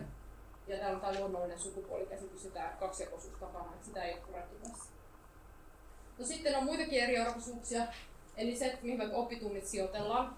Eli se, että, että ne, jos ajatellaan, että se koulu rakentuu sen normaalin oppilaan opettamisen ja normaaliksi tekemisen ympärille, niin, niin se, että ajankohta on niin, että luokanopettaja, jonka päätehtävänä on nyt sit opettaa näitä normaaleja, niin hän opettaa silleen sanotaan yhdeksästä yhteen tai kahteen. Ja ne, joilla, jotka opettaa sitten näitä epänormaaleja tai poikkeuslapsia, joista heitä tehdään, niin he sitten opettaa näillä reunoilla. Eli sitä aamu kahdeksalta tai sitten ilta kolmesta vaikka kuuteen asti. Ja se, että miten tämä menee, niin nimenomaan sitten nämä tämmöiset niin kuin, kotikielen ja sitten uskonnon tunnit ripoteltiin aina tänne reunoille. Niin, että, että joidenkin lasten koulupäivä myöskin sitten alkoi vaikka kahdeksalta ja saattoi kestää neljän asti, mutta keskellä päivää sitten olikin jo taukoa. Ja, ja sitten tavallaan tämä ei niin kuin opettajakunnassa hirveästi herättynyt niin kuin innostusta, kun mä yritin heittää sellaisen ajatuksen sitten myöhemmin, että no, voisiko sitä muuttaa. Että millä perusteella on ikään kuin näin, että toiset opettaa aamusta iltaan niin, on sieltä koko päivä ja keskellä on tauko ja toisella oikeus opettaa sen keskellä päivän. Tämä on niin yksi. Ja sitten missä ne tunnit on, eli jotkut joutuu matkustamaan sitten vaikka niille kielen tunneille tai uskonnon tunneille niin eri kouluihin. Ja sitten jo lähtökohtaisesti se, että jos matka oli Helsingin toiselta puolelta toiselle, niin esimerkiksi ekaluokkalaiset ei lähtenyt yksin matkustamaan vielä vanhemmat eivät halunneet lähteä. Ja joillekin järjestetään se siinä omassa koulussa, että tästä tulee sellainen niin alueellinen puoli. No sitten on tämä ulkopuolinen toiminta, eli sitten kun oli vierailuja ja tämmöisiä kerhoja, että käydään koulun kanssa vierailulla jossain tai on kerhoja, niin lähtökohtaisesti, kun ne oli aina iltapäivisin, niin sitten saattoi vaikka käydä niin, että oppilas halusi johonkin kerhon, ja sitten hänelle sanottiin, että mutta sulla on arabiatunnet nyt, että se voi mennä sinne. Eli lähtökohtaisesti joillekin ei ole mahdollista osallistua kaikkeen sen takia, koska heillä nyt on sitten jo nämä muut erityistunnit siellä mukana. Kouluruokailussa oli, oli niinku sellainen juttu, että siellä tarvittiin lähtökohtaisesti kahta ruokaa, eli oli ikään kuin tämä normaaliksi nimetty ruoka, tavallinen ruoka, ja sitten oli kasvisruoka, joka oli vaihtoehto kaikille niille, jotka eivät syö sitä tavallista ruokaa. Mutta kun mä itse söin yleensä sen kasvisruoan, niin mä huomasin sen, että ei siellä nälkä pysynyt ollenkaan. Että se oli tehty jotenkin niin, että välillä se oli ikään kuin samaa ruokaa, sitten se oli ikään kuin lihoja ei ollut laitettu sinne tai näin. Ja, ja niin kuin, ikään kuin se ei pitänyt nälkää samalla lailla, jolloin lähtökohtaisesti ne lapset, jotka söivät sitä kasvisruokaa, niin oli suuremmassa nälässä jo hyvin pian kuin sitten ne, jotka söivät niin kuin sitä tavallista ruokaa. Kouluruosta ehkä muutenkin voisi keskustella niin jostain kysymyksistä, mutta että niin tässä, että mistä ero. Ja sitten kun miettii sitä, että että joillekin oli niin, että he sitten söivät sitä kasvisruokaa vaikka niin kuin uskollisen vakaumuksen takia, koska se oli se vaihtoehto, mikä oli niin kuin sille vaikka ö, liharuolle. Ja, ja sitten tavallaan heillä sattui vielä olemaan niitä niin kotikielen tai uskonnon tunteja, niin he oli niin kahdeksasta neljään sillä ruoalla, joka ehkä häthätää sen pari tuntia piti nälkää. Ja koulusta sai ostaa välipalaa, mutta sitä piti maksaa, ja vaikka se maksu oli ikään kuin ajatellaan pieni, mutta kenelle se on aina pieni. Ja jos vaikka joutuu ostamaan neljä kertaa viikossa ja monelle lapselle, niin siitä tulee hyviä ja iso summa, että kenellä on sitten oikeasti varaa ostaa niitä niin kuin välipaloja sieltä iltapäivällä. Eli kuinka tässä niin kuin tavallaan myöskin sitten tämä ruokailun kautta eriarvostetaan. Ja sitten myöskin se, että jos joutuu niin koko ajan nälkäisenä käymään päivästä toiseen koulua, niin voi ajatella, että se myös vaikuttaa ehkä siihen, että kuinka siellä koulussa niin kuin opiskelee. Eli just, niin kuin tämän kautta tuotetaan myöskin jo siihen näitä eroja, eroja ja hierarkioita sitten oppilaiden väliin. Sitten kouluvalintapolitiikkaan liittyy sellainen asia, että kun kutoset oli valitsemassa kouluja, niin, niin keskusteltiin sekä opettajakunnassa että oppilaiden kesken oli niin kuin, tuli sen esimerkkikin tuolla esille tunneilla, jossa oppilas tälleen sanoi, että hei muuten se koulu, jos kävin tutustua, niin se koulu Reksi sanoi, että sinne ei otettu tämmöisiä mustanpuoleisia oppilaita. Ja, ja sitten opettaja oli, että mitä, että ei voi ottaa ja näin. Ja, ja sitten se niin kun, ihan kuin oppilas oli vitsailut, ei pitänyt paikkaansa. Mutta tavallaan se kuitenkin piti, koska siis siellä oli silleen, että opettajatkin puhuivat, että jostain syystä ne, joilla on uskonto islam tai väärä sukunimi tai näin, niin ne eivät pääse sitten sinne kouluun. Eli siellä ha, jollain perustein kuitenkin valikoitiin oppilaita niin, että tietyt ryhmät jää lähtökohtaisesti ulkopuolelle. Eli tavallaan tämmöinen niin kuin uskontoon ja sitten niin kuin ihonväriin, kansallisuuteen liittyvää niin kuin, ja myös rasismia, niin siinä, niin kuin, siinä oli, oli niin kuin tällaisia juttuja. Että sen lisäksi, että se on myös luokkakysymys, että ketkä voi valita ja mitä, ketkä tietää, minne pitäisi hakea, jos haluaa tietysti hyvän koulun, niin se on myöskin tällainen ihonväriin kiinnittyvä ja kieleen ja uskontoon liittyvä kysymys. Kaikilla ei ole samoja mahdollisuuksia. Ähm, sen verran myöskin, että kuinka tämä liittyy työyhteisöön, niin, niin siellä on tota, koulun sisällä valtakeski, niin rakenne alakoulussa, miten mä analysoin tätä näiden kahden koulun kautta. Eli tuolla keskellä on ne, joilla ne tietyllä tavalla eniten valtaa, ja ne on ne, jotka opettaa niitä, joita sanotaan normaaleiksi, tai joista ajatellaan sellaisia, joita on tehnyt. Ja, ja siellä on niin luokanopettaja ja, ja niin kuin tämä ryhmä. Sitten jos on esimerkiksi opettaja, niin kuin, tai uskonnonopettaja muu kuin EVUT, tai sitten ehkä myös ET, ainakin osittain, niin, niin sitten tuota, joutuu enemmän tänne laitamille, koska pitää kiertää monessa koulussa. Luultavasti pitää omistaa auto, jossa kerkii yhdestä koulusta toiseen. Bussilla ei välttämättä kerkiä ylittää Helsinkiä toisesta toiseen, jos on vähän, vähän vaan aikaa. Ja, ja sitten tavallaan täällä on myöskin niin kuin nämä siivous- ja keittiö- ja kouluisäntä, jotka Helsinki on kilpailuttanut jo 10 vuotta. Joka vuosi kilpailutaan, mistä palvelu ostetaan, ja käytännössä nämä ihmiset ei ole enää niin koulun omia ihmisiä. Se ei ole sen ja sen niminen tyyppi, joka siellä työskentelee, jonka me kaikki tunnetaan, joka on meidän ystävä, vaikka opettaja, opettajakunnan kesken, vaan myös on se firman X siivooja. Jolloin sillä ihmisillä ei ole enää sitä omaa niin kuin, identiteettiä, vaan, vaan hänellä on niin kuin, sen firman leima vaan niin otsassa. Ja sitten oppilaatkin puhuu, että no ei me, ei me siivota noita meidän roskiin, kun meillä on firman työntekijöitä, että ne saa siivota ne. Eli tavallaan lähtökohtaisesti tämän ulkoistamisen kautta ja kilpailuttamisen kautta niin tehdään tämä Plus, että sitten se, että kun he joutuu joka vuosi vaihtamaan työpaikkaa, ei tiedä onko se oikein töitä, niin tässä on niin tämä systeemi niin kuin näkyy myöskin siinä, että kuinka heihin suhtaudutaan niin kuin sellaisina, että, että helposti jos joku vika, vika on, niin sanotaan, että palvelu ei ole riittävän hyvää tai tasokasta, ja nyt voidaan lähteä seuraavaksi, mutta opettajakunta on myös tullut tänne siitä, että, että niin kuin mistä sitä ostetaan ja onko hintansa väärtejä. Eli ihmisistä ei tavallaan enää, ihminen ei ole enää niin kuin ihminen, vaan hänestä tulee niin kuin hyvin pitkälle tässä niin kuin sellainen ikään kuin tämmöinen niin kuin välineellinen, hänelle tulee rahallinen arvo, jonka kautta häntä määritetään. Sitten myöskin muita posioita, saadaan koulunkäyntiavustaja. Tässä tulee tämä akateemisuusjuttu, eli opettajalla on akateeminen koulutus, niin hän on ikään kuin tietävämpi ja osaavampi. Ja koulunkäyntiavustaja, jolla ikään kuin vain on se joku muu, niin hän ei sitten olekaan niin samassa määrin arvostettu. Ja välttämättä häntä ei kuulla niin hyvin sitten näissä asioissa, kun sitä opettaja ja opettaja ikään kuin tietää, mikä on sen oppilaan paras tässä. Um, nämä on niin sellaisia kysymyksiä, missä tulee niin moni, monirakenteellisiin asioihin, että, että, miten koulu ikään kuin muodostuu. Ja siellä on sekä koulun sisäisiä juttuja, juttuja mutta sitten on nämä, nämä niin kuin monet ammatteihin liittyvät. Sitten on tämä iso ulkoistamiskysymys. Ja, ja sitten tota, tämä, että kuka saa opettaa siellä keskellä päivää ja ketkä on ikään kuin ajatellaan tällaiseksi normaale, normaaleiksi oppilaiksi. No mitä toisille sitten tehdään? niin, niin tota, menen siihen kohtaan. Mutta sanon vielä sen verran tähän itse tähän edelliseen liittyen ja ylipäätänsäkin, että, että myös tässä kun oli näitä eroja ja niin kun opettaja tunnisti, että joihinkin asioihin liittyy niin kun kielteisiä merkityksiä niin kun eroihin, niin he yritti kyllä myöskin osa muuttaa niitä. Että, he, että opettajalla on myös, niin kun, siis sillä niin kun haluan sanoa sen, että, että kun te tunnistettiin, niin yritettiin tehdä jotain. Mutta että sitten välttämättä se ei aina onnistunut se niin kuin, tämä erilaisuuteen liittyvä kielteisen niin kuin, merkityksen purkaminen, koska yksi tapa, jolla yritettiin purkaa sitä, että, no, että erilaisuus lähtökohtaisesti merkkaa jotain ikävää, oli se, että sanottiin, että no kaikkihan on erilaisia. Jolloin tulee sellainen tilanne, että, että ikään kuin hävitetään siitä se ajatus, että joitain pidetään kuitenkin enemmän erilaisina kuin toisia. Ja, ja mihin kaikkeen se liittyy sitten se, että pidetään enemmän erilaisina. Ja sitten saatiin puhua siitä, että no, mutta on siellä niin toisten joukossa niitä niin kuin meidän kaltaisia, että hänkin tunsi sieltä sen jonkun arabian kielisen ihmisen, jolla jo, jossain maassa ja hän käy sen ja kaikki niin kuin, niin kuin vaikka suomeksi tai englanniksi tai näin, jolloin tavallaan yrittää osoittaa, että kyllähän siellä on ihan niin kuin järkeviä tyyppejä, mutta se järkevyys määrittyy sen Hemingwayn kautta, joka on taas hyvin tietystä kontekstista tuleva juttu, joka määrittää, että se ei määrity hänen ehdollaan, vaan sen niin kuin, puhujan ehdolla.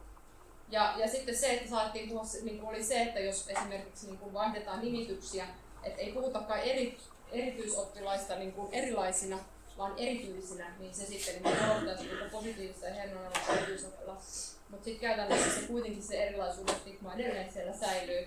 Ja sitten siinä niin puhuttiin myöskin, jotkut opettajat puhuivat siitä, että vaikka niin mitä nimitystä vaihdetaan, niin aina siihen kielten merkitys liittyy. Ja niin se liittyy, koska se on aina sitä, mikä tuotaan epänormaaliksi. Eli jos me ei tätä normaalin ja epänormaalin välistä jakoa niin kuin, ö, pureta, niin, niin se on ihan sama, että miten aina yritetään määritellä lavemmin tai puhua, että noikin kuuluu tänne normaaleihin, mutta siellä on aina joku siellä epänormaalissa sitten kuitenkin siellä kategoriassa. No sitten mä kerron, kerron siitä, että miten, miten, niin toisi, miten toisiin suhtaudutaan. Eli jollain lailla myöskin tämä, että kun on johonkin kategoriaan asetettu, että kategorian asettaminen on aina vallankäyttöä, että sut määritetään jonkun tietyn asian kautta, että olet tätä, ja sitten sitä käytetään niin kuin ennusteena siihen, että ahaa, mitä sä tuultavasti teet, tai sitten selitetään, no joo, mutta se on sellainen tyyppi, se on, se on sitä tai tätä tai tuota, siksi se toimii näin. Niin tämä on niin vallankäyttöä siinä, niin se, että tässä esimerkiksi se, että, että tuodaan esiin se, että kuinka, että ne, jotka on niin kuin, jatkuvasti tekee jotain, niin heidän toimintaansa koulussa puututaan ahkerammin ja tiukemmin, mutta sitten kun joku satunnaisesti hölmöilee, niin se on sitten niin sellainen, joka menee niin kuin enemmän läpi. Eli tavallaan oppilaat jakautuu näihin, niin kuin, jotka yleensä toimii kunnollisesti ja, sit, ja vain satunnaisesti hölmöilee, ja sitten on ne, jotka systemaattisesti ikään kuin aina hölmöilee. Ja tämän kautta itse asiassa niin toistaa itse itseään, että, että sitten kun tällainen kunnolliseksi määrätty oppilas hölmöilee, niin se on satunnaista, mutta sen toisen kohdalla se on systemaattista.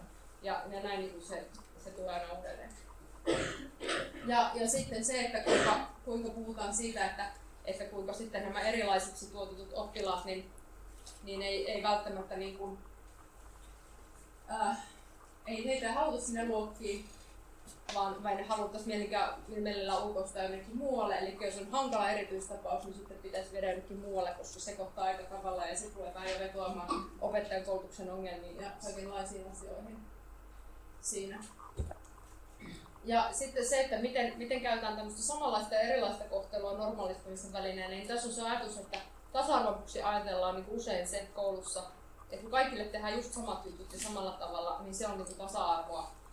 Ja sitten se epätasa-arvo on se, että joillekin annetaan jotain niin kuin erilaisia mahdollisuuksia tai poikkeuksia. Et tosi usein se nousi sieltä, että vaikka samaan aikaan tehtiinkin näitä poikkeuksia, mutta kuitenkin se samanlainen kohtelu ja se ajatus, että se on tasa-arvoa, niin oli usein se lähtökohta. Ja, ja siinä niin kuin, tavallaan tulee se, että että niin kuin yksittäisten oppilaiden kohdalla tehtiin näitä poikkeuksia sillä lailla, että, että okei, no jos muut menee uimaan ja sitä, että yksi oppilas ei voi tulla uimaan, niin sitten okei, se voidaan jotenkin järjestää näin. Tai jos oppilas tarvii vaikka apua opiskelussa, sille yhdelle järjestetään ne, tai jollekin ryhmälle järjestetään jotakin. Mutta tämä systeemi jakaa heti taas tämän normaalit ja poikkeuslapset, joiden kautta tässä niin toimitaan.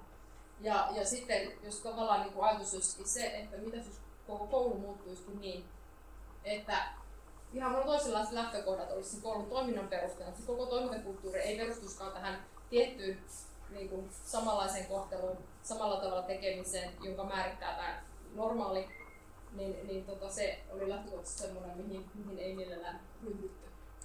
Ja, ja se, että kuinka opettaja puhuu siitä, että, että ekaluokan alussa koulun sääntöihin rutinoitutaan, ja tavallaan se, että silloin opitaan se, että, että on tavallaan nämä pääsäännöt, joiden mukaan toimitaan, ja sitten on olemassa ne poikkeukset, ja tämä niin sisäistetään niille lapsille, että näin niin toimitaan, että jollain on eri systeemit, sitten jos on jotain poikkeuksia, jotka otetaan niin huomioon. mutta sitten tässä on niin jännä nähdä taas se, että miten tämä valta toimii. Eli nyt kun on opetettu oppilaille, että kaikille on samat säännöt, niin sitten joidenkin kohdalla tehdään poikkeuksia. Niin sitten itse asiassa oppilaat alkaa hyvin nopeasti niin näkee, että okei, se on sitä tasa-arvoa, se on niin oikeudenmukaisuutta. Ja sitten aletaan heti perään, että hei, miksi toi ei tarvitse tehdä, miksi toi, toi tekee noin, miksi toi saa tehdä noin. Eli oppilaat alkaakin itse asiassa valumaan sitä, että se opettaja noudattaa sitä sääntöä. Ja silloin tavallaan niin kun opettaja joutuu oppilaiden valvonnan alaiseksi tietyssä mielessä. Jo, ja niin kuin jotenkin opettajakin puhuu vähän siitä, että tämä on niin hankala paikka. Eli opettaja alkaa niin melkein kokemaan syyllisyyttä siitä, että apua, että jos mä olenkin nyt epätasa-arvoinen, kun mä nyt en annoinkin tuolle oppilaalle, että sen ei tarvitse tehdä tätä samaa asiaa. Eli tavallaan niin siitä alkaa tulla sellainen vastavuoroinen homma, että, että sen opettajankin reiluus ikään kuin määrittyy nyt tämän saman logiikan perusteella. Ja lapset myös valvoo sitä, koska heille on opetettu se, että näin, näin tämä niin kuin toimii. Ja sitten se, että, että kun tehdään poikkeuksia, niin tässä on taas yksi iso niin kuin, yhdenvertaisuuskysymys, että millä perusteella. Että joskus sanotaan, että voidaan tehdä poikkeus johonkin vaikka, että, että voi mennä housuissa u- u- uimahallin saunaan, jos siihen on hyvä syy. Että tämä pitäisi niin ymmärtää koulussa tässä opettaja pitää puolustaa oppilasta. Mutta sitten, millä perusteella se hyvä syy määritetään. Eli, eli ensinnäkin niin kuin, kenen logiikan perusteella, sen opettajan logiikan perusteella vai sen oppilaan ja sitten se oppilas, joka on lähtökohtaisesti kuitenkin, hänellä on vähemmän valtaa kuin opettajalla, niin hän joutuu tunnustamaan sen asian ikään kuin sille opettajalle, joka sitten hyväksyy tai hylkää sen syyn. Niin siinä on jo niin valtakysymys jälleen. Ja, ja sitten ta- tavallaan se, että niin kuin tässä, tässä ei niin kuin käydä ollenkaan niin kuin sitä, sitä keskustelua, että mi, mi, millä perusteella me saadaan, saadaan nämä niin kuin syyt ja, ja koska siis jollain perusteella, se, jos opettaja ei vaikka niin tunnista jotain asiaa, että tämä voisi olla hyvä syy, niin se jää niin kuin häneltä huomaamatta ja hän ei niin kuin ikään kuin voi siihen sitten reagoida, koska hän toi ei kelpaa syyksi. Eli tässä käydään niin koko ajan vallankäyttöä tämän, tämän asian niin kanssa. Ja, sitten vielä, vielä tuosta, että miten niin kuin sitten oppilaita ulkoistetaan, niin on se, että, että tässä me opettajat puhuu siitä, kuinka hän on kokenut kollegojensa puolelta sitä, että, että ekaluokalle kun tulee, niin jotkut kieltäytyy ottamista tiettyjä oppilaita, koska ne on liian vaikeita. Eli opettajat saattaa harrastaa tämmöistä vallankäyttöä, että, että mä en ota tuota. Ja sitten jotkut toiset voi olla silleen, että okei, mä voin ottaa kaikki, ketä vaan haluatte, että täällä on ovet auki. Mutta tietyllä tavalla tämmöistä myöskin siinä Ja, ja sitten se, että kuinka tuotetaan tämä ajatus, että no, kun ei sopeudu, niin se on oma valinta. Eli täällä tämä opettaja sanoi niin siitä, kun on mahdollista oppilas on ollut pois liikuntatunneilla, niin hän vaan merkkaa poissaolot ja antaa asian olla, että ehkäpä joku sitten jossain huomaa, on ilmeisesti aika turhautuneena, mutta sitten tavallaan kun toinen opettaja, joka tuntee tämän oppilaan, niin yrittää puolustaa sitten, että et, hei, että tässä voi olla niin monta syytä ja kieli vaikka, niin sitten hän niin toteaa, että no kun ei itse sopeudu, niin syytää muita. Eli tietyllä tavalla se, että se on oma vika, että kun hän ei tänne sopeutunut, niin, sitten niin kuin, tavallaan itse, itse saa niin sen, itse saa vastata siitä.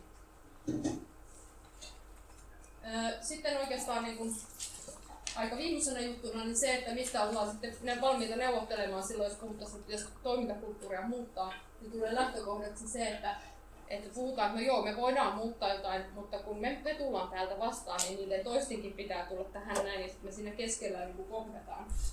Ja, ja sitten tavallaan, että jos he ei niin neuvottele, niin ei mekään sitten anneta täältä periksi näistä suomalaisen kulttuurin tavoista.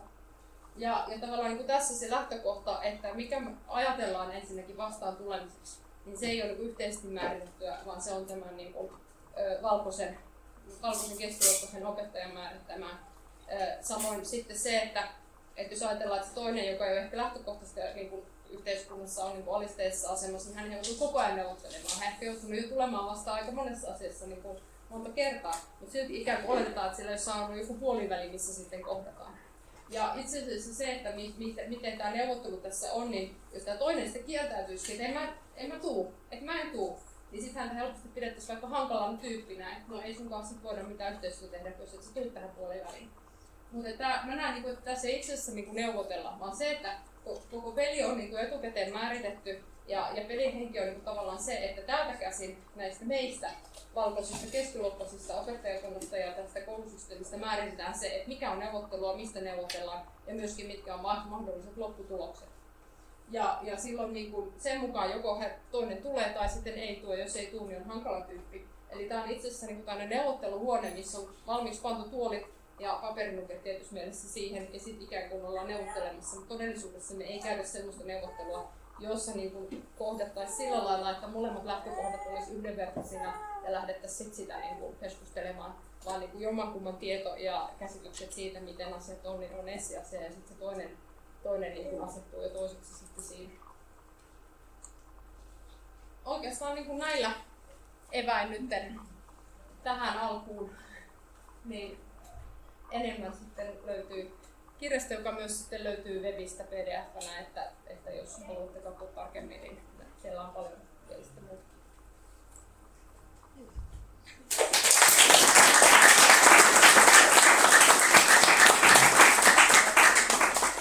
Kiitos Anna-Leena. Ja tuota, ennen vähän keskusteltiin, että haluttaisiin ennen kysymyksiä herätellä keskustelua. Ja sitä varten ollaan kehitelty kolme kysymystä, jotka pohjalta voi pienemmissä ryhmissä keskustella. Ei tehdä mitään jakoa kuuteen tai mitään vastaavaa. Katsokaa siitä ympäriltä ihmisiä, joita tunnette tai ette tunne entuudestaan ja voitte keskustella vapaa-muotoisesti siinä. Tota, käytetäänkö joku kymmenisen minuuttia tähän, sitten siirrytään kysymyskeskusteluun. Ja tota, kysymykset, joita voitte käyttää keskustelun pohjana, ei tarvii jokaista käsitellä ja jos mitään ei innokaa, niin ei kannata sitten mitään. Mutta ensimmäiseksi olisi tämmöinen, että keskustelkaa omista kokemuksista toiseuttamisesta, on se sitten koulussa tai jossain muualla tapahtunut. Toisena kysymyksenä olisi, että voitte jakaa kokemuksianne sellaisista tilanteista, jossa yritykset toiseuttamisesta eivät onnistu syystä X. Ja tota, viimeisenä tämmöinen vähän johdatteleva kysymys. Mutta mitä muita toiseuttamisen tapoja valtio käyttää? Jes, ei muuta kuin keskustelua.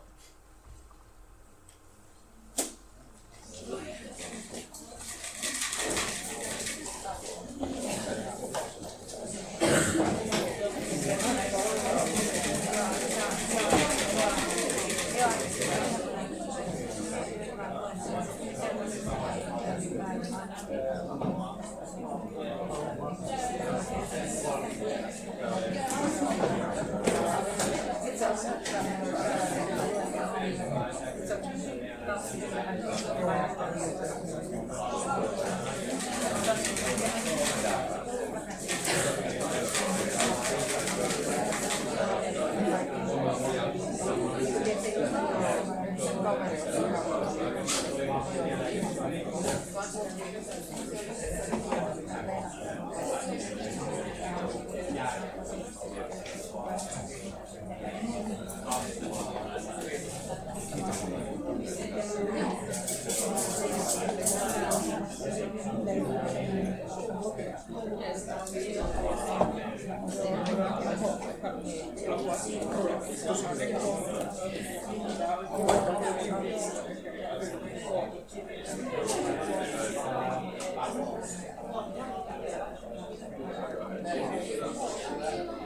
失礼します。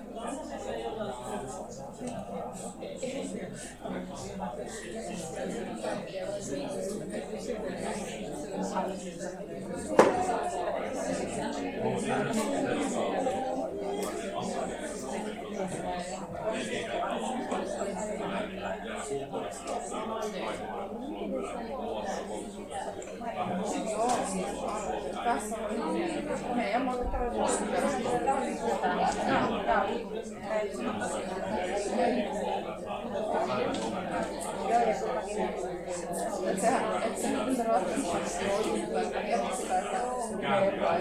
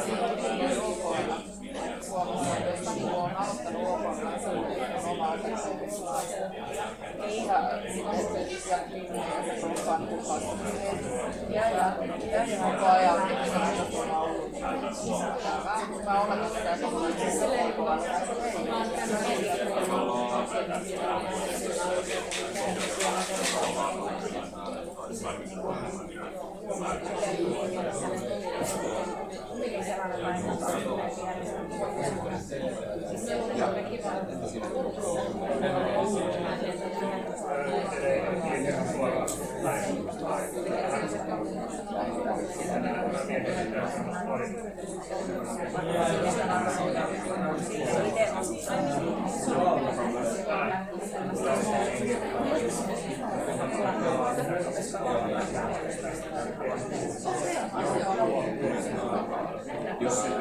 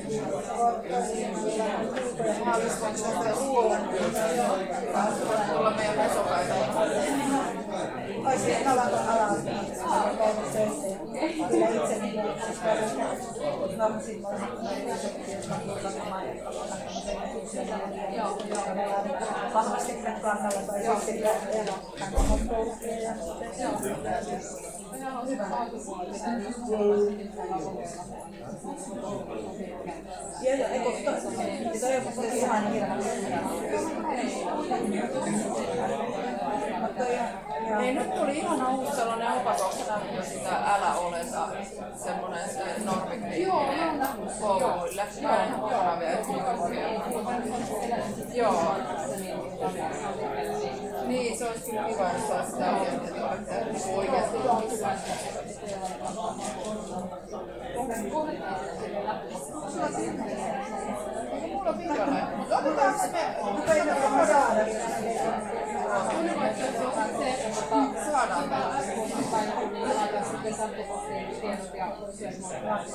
No olisiko se kyllä näitä halutaan Niin, kyllä me saadaan joo. Me saatte tuosta Okei. Ja mulla itse asiassa tässä paperissa. Ah, okei.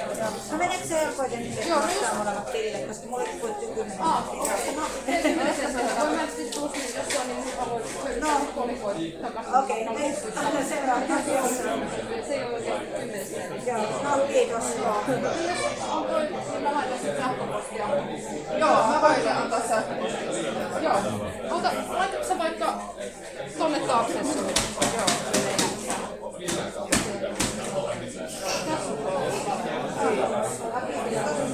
Laita vielä silleen, kun tuo työhuone käynnissä.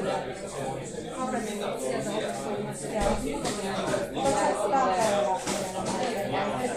Täällä on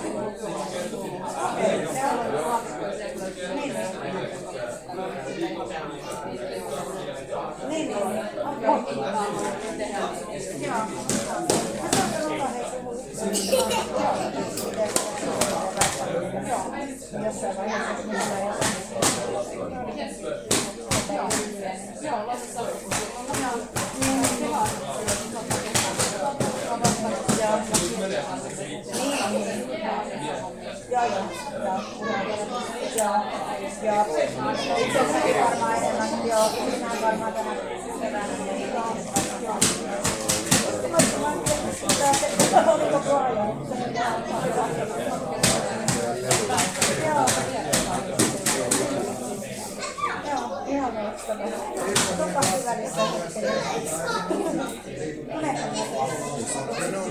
kysymyksiä.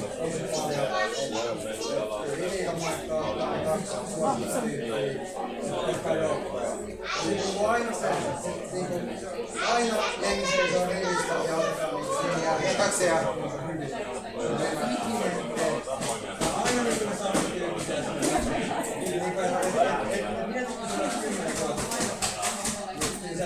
varmaan vähän.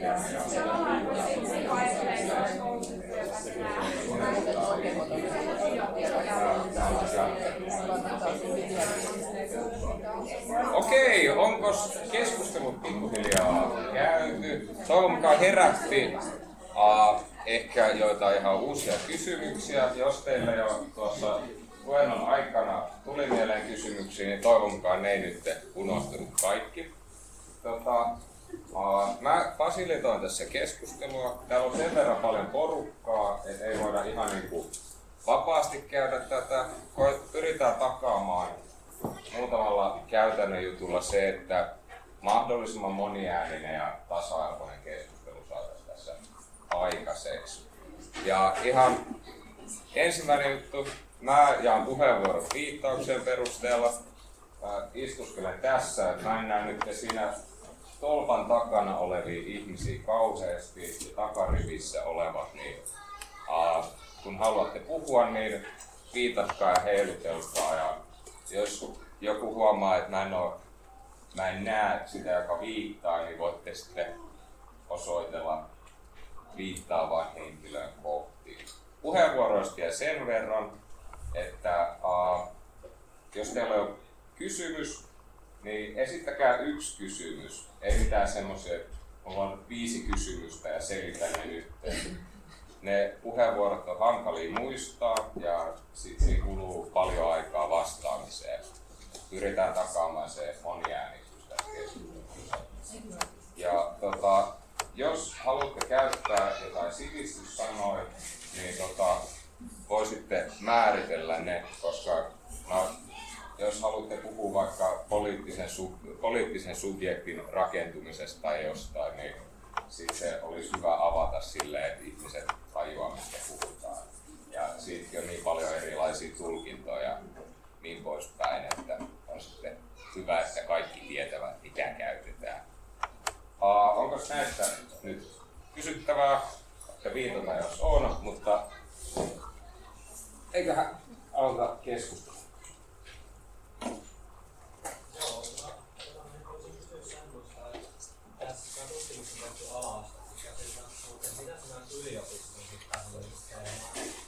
Liittyen, koska se on niinku, yliopistohan on niinku vaan siis jatkuna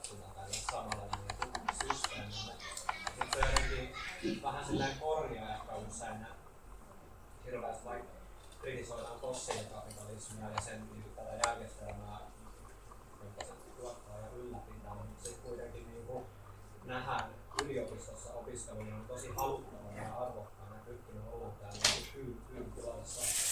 Ja tota, noin, niin, täälläkin varmaan monet opiskelee yliopistossa ja sitten vielä sekin, että väitöskirja on niin yliopiston niin tuottamaa materiaalia, niin eikö se sitten tavallaan ole jotenkin vähän sellainen niin, ongelmallista?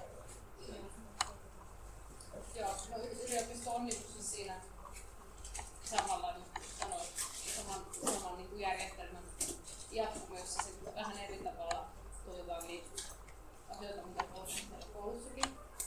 Ja tota, tietyssä mielessähän sehän on aina, mikä, mitkä esimerkiksi, miten määritellään, että miksi akateeminen tutkimus olisi tai yliopistontutkimus olisi ikään kuin sitä kvalitetietoa, on hyvä kysymys.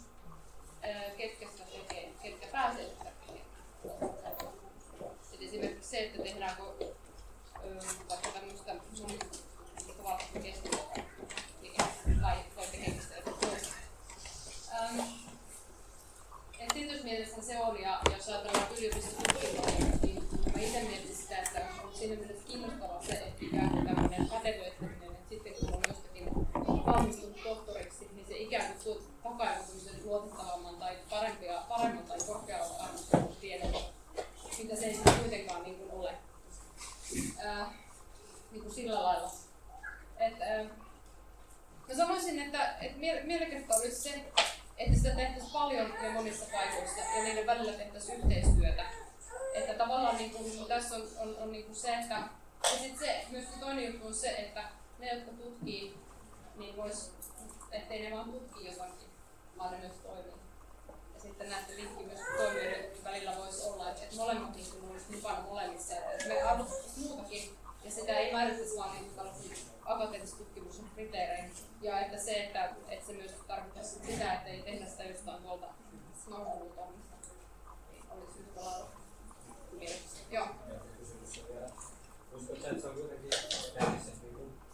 mahdollista, että No, olla siellä järjestelmän sisällä ja sitten mukaan niin olla jotenkin se ulkopuolella samalla kriteerit että Se on- hyväksyt ne ja sitten Joo. Joo. Joo, joo, joo, joo. Se on, tota, se on hyvä kysymys mä oon niinku miettinyt itsekin just paljon sitä, että mikä on mahdollista ja missä, missä tulee rajat vastaan sen perusteella, että milloin ruvetaan ää, edistämään niinku erilaisia esteitä sille, jos sanoo liikaa jostain asiasta tai toimii jossain asiassa liikaa. Ja mä ehkä niinku ajattelen, että, että ikään kuin niitä rajoja, että et, toimi, toimimalla siellä sisällä ikään kuin käyttämällä sitä systeemiä myöskin niin kuin hoivuttamalla, niin silläkin pystytään tekemään, mutta et ikään kuin se ei saisi olla vaan niin kuin se vaan, että, että, että, niin kuin, että myös tarkoittaisi niin ihan hirveästi sitä kaikkea muuta, joka toimii. Että, että on, se on niin kuin ongelmallista, mutta sitten toisaalta joskus mä ajattelen myös se, että että joskus myös sisältövaikuttaminenkin on hyödyllistä sen sijaan, että se on vain ulkopuolelta. Niin molempia tarvitaan niin siinä. Mutta sitten se on niin jokaisen tutkijan niin kuin, ehkä semmoisena niin kuin miettimisen paikkana se, että, että tota, mi, miten niin kuin,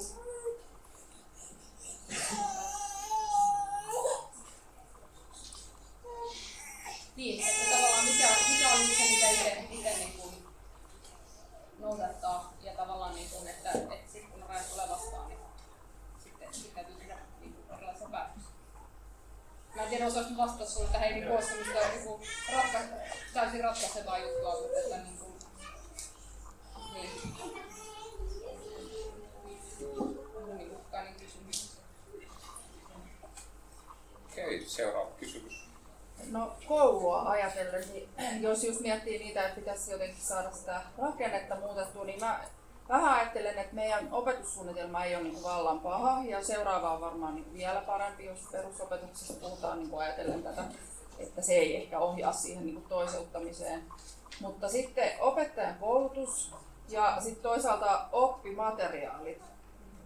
Niin mitä sä näet, että miten, tai onko ne sunkin mielestä ongelma, niin kuin mun mielestä, ja mä, että miten niin kuin siihen pääsis vaikuttaa. Että ei, ei ne opettajat varmaan niin kuin tahallaan. Joo, ei, Ja- ei niin kuin se on niin kuin, Ja opetusmateriaalit on Niin. täynnä sitä heteronormatiivisuutta ja tämmöistä Joo, länsiä ja joo. ne muut meininkiä. Kyllä, kyllä.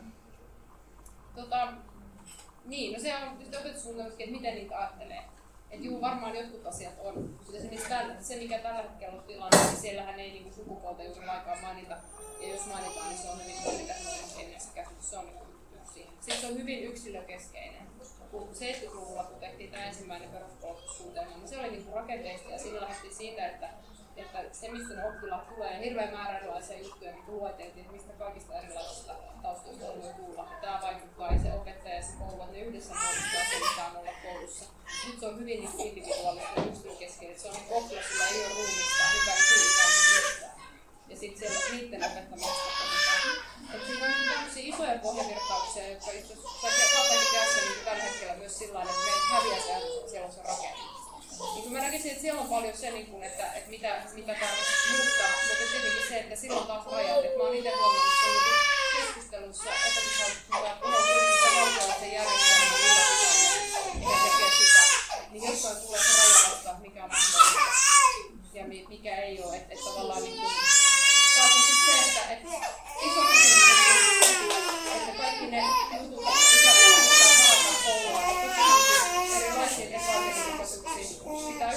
se, että. Mutta toisaalta käykö niin, että kun me vilataan niitä pikkujuttuja, niin me ei koskaan niin mennä siihen isoon kysymykseen, mitä rahoittaa koko valtiojärjestelmä ja tämä sitä palvelua olemassa. Eli tavallaan niin me luodaan sitä illuusiota tasa-arvosta, että kun me vielä vähänkin tehdään tota ja tota, niin sitten päästään.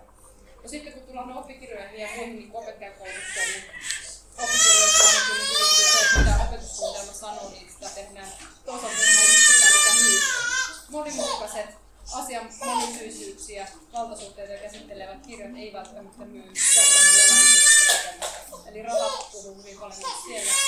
Ja, ja sitten opettajakoulutus, joka on tavallaan joku tämmöinen koulun jatkumo, niin se on sitten tavallaan se, mikä, mikä niin siellä minkälaiset käsitykset siellä on, niin se on tietenkin myös hyvin oleellista sit siihen, että, että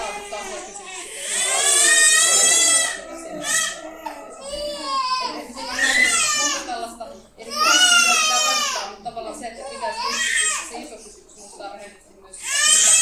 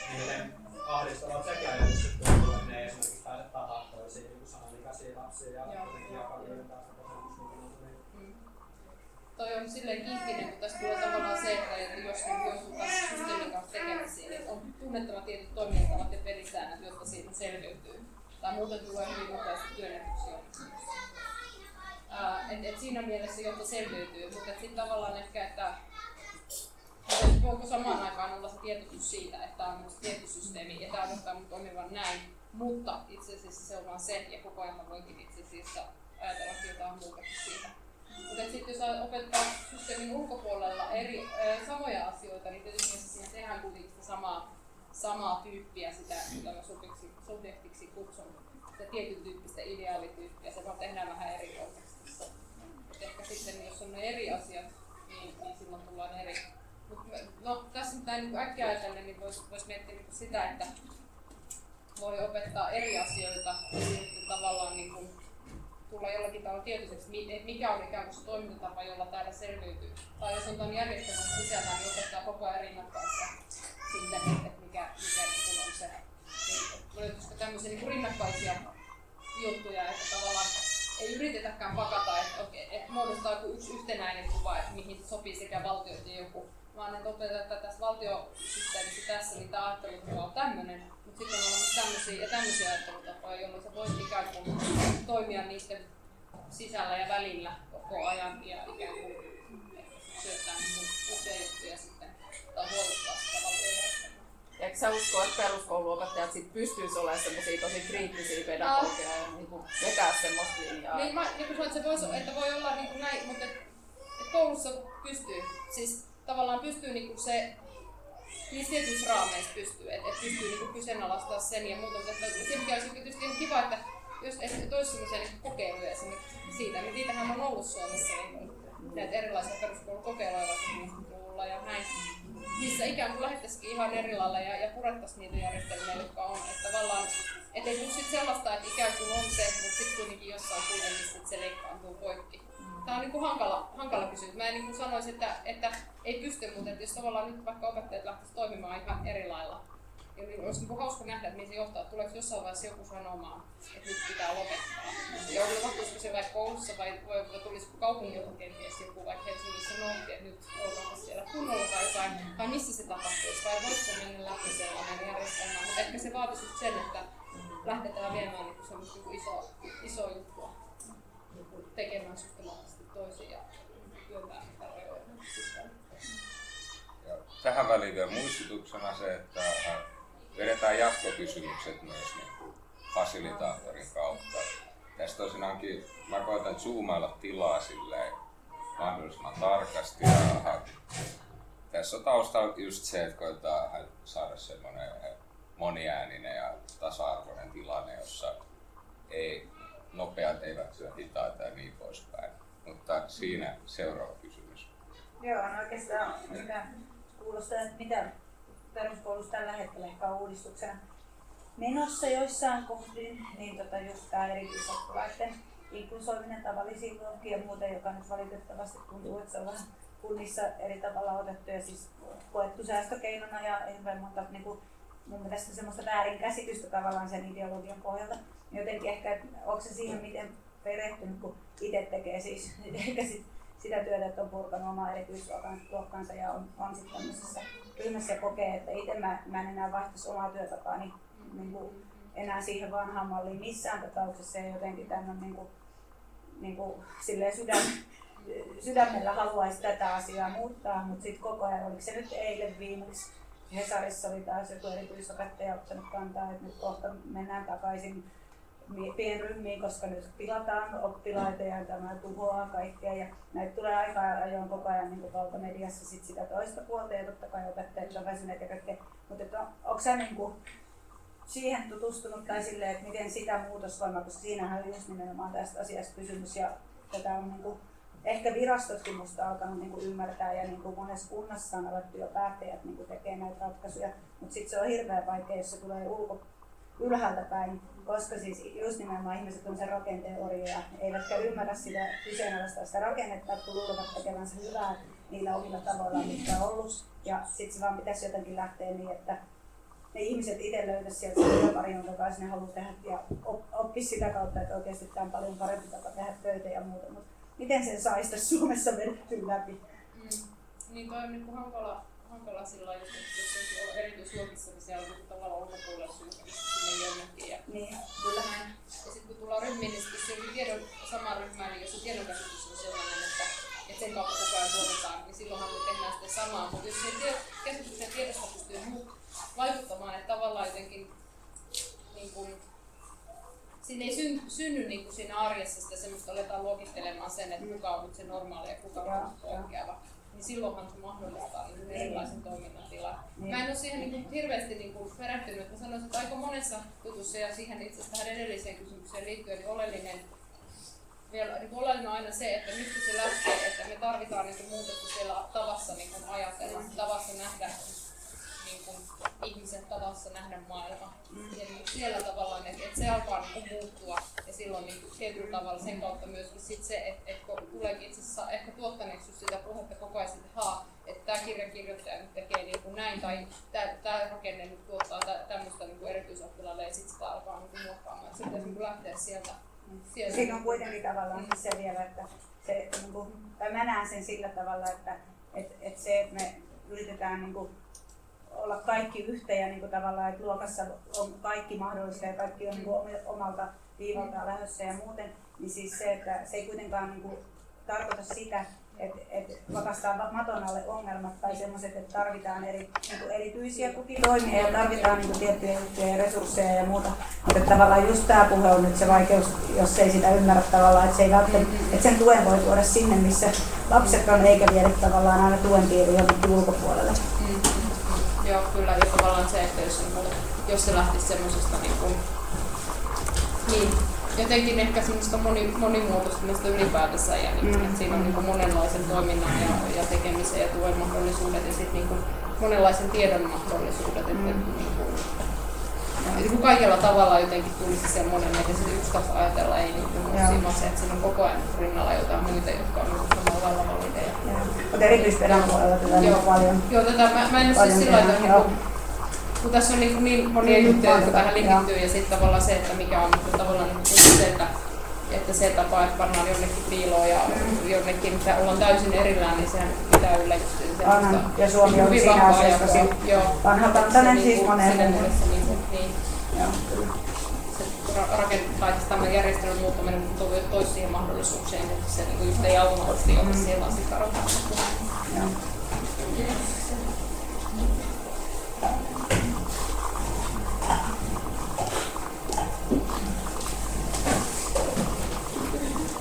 Kiitos.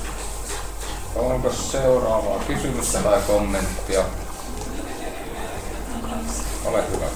No, mulle tuli tilaa lähinnä sellainen ajatus siitä, että onko jotain sellaisia kokemuksia siitä, että tavallaan että olisi jotain yksittäisiä opettajia, jotka niin sitten selkeästi haluaisi lähteä toteuttamaan tätä jotenkin toi, toi, toi, toisella tavalla niin kuin suhtautumista näihin asioihin. Ja tavallaan jos mukava kuulla, jos jollain tai jotain kommentteja kokemuksia sitten siitä, että miten se tavallaan se yhteisö siinä sitten toimii, että, että annetaanko jonkun toimia sitten vähän niin kuin eri säännöillä siinä vai yhteisössä. Täällä on ainakin kaksi tuntia ilmoitti ollut kiinnostuneita. Mulle, mä en ole siis hirveän paljon niin itse en ole, en ole että mä en niin kuin osaa sanoa, mutta että erilaisia varmaan juttuja niin kuin on tehty.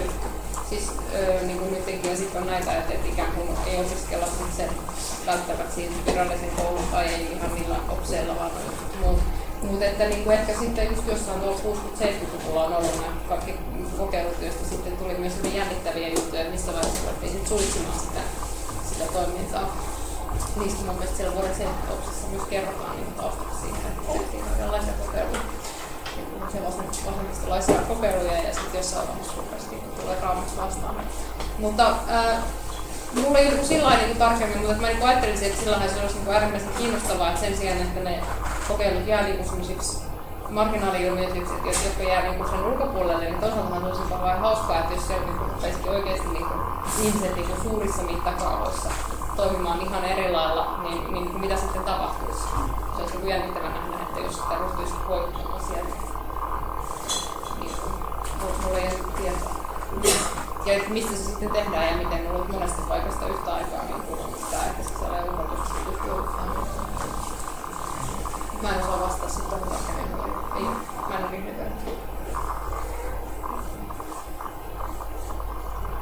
Voisi ehkä mainita, että anarkistista pedagogiikkaa ja anti-autoritaarista pedagogiikkaa on myös olemassa googlettelemaan siitä, jos kiinnostaa, mutta siinä seuraava. Mä olisin voinut kommentoida, että mä esimerkiksi näin peruskouluopena, niin, niin kiinnitän paljon huomioon tuohon, että en olisi niinku heteronormatiivinen ja että olisin sillä tavalla sukupuolisensitiivinen, mutta kyllähän se on niinku sellainen asia, että enhän mä käy opettajahuoneessa sanomassa niinku muille, että teidän pitää nyt myös olla niinku tällaisia, että kun mä oon. Ja sit mä käsin, kun mulla on työpari samassa luokassa, joka ei yhtään tajua tällaisia niin sävyjä, enkä mä kehtaa sillekään sanoa niin päin naamaa, että lopeta hitto nyt toi tytöttely jo siinä prinsessoittelu ja niin kaikki. Niin, että on ongelma, just ehkä se, kun se ei tule mistään sellaisena niin yleisohjeena nyt kaikki näin.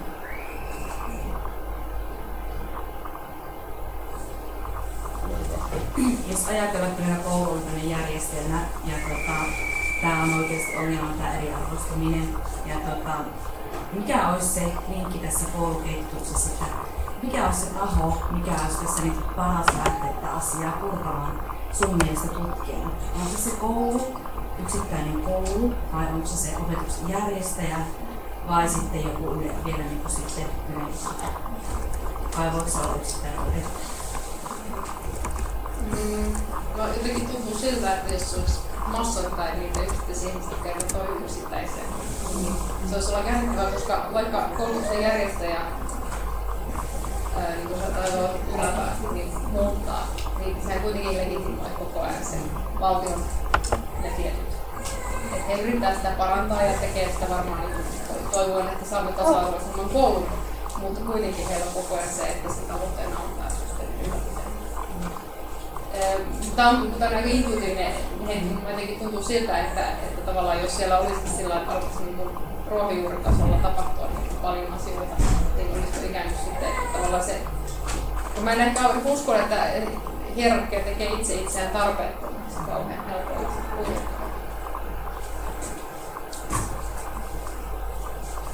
Okei, okay, siellä.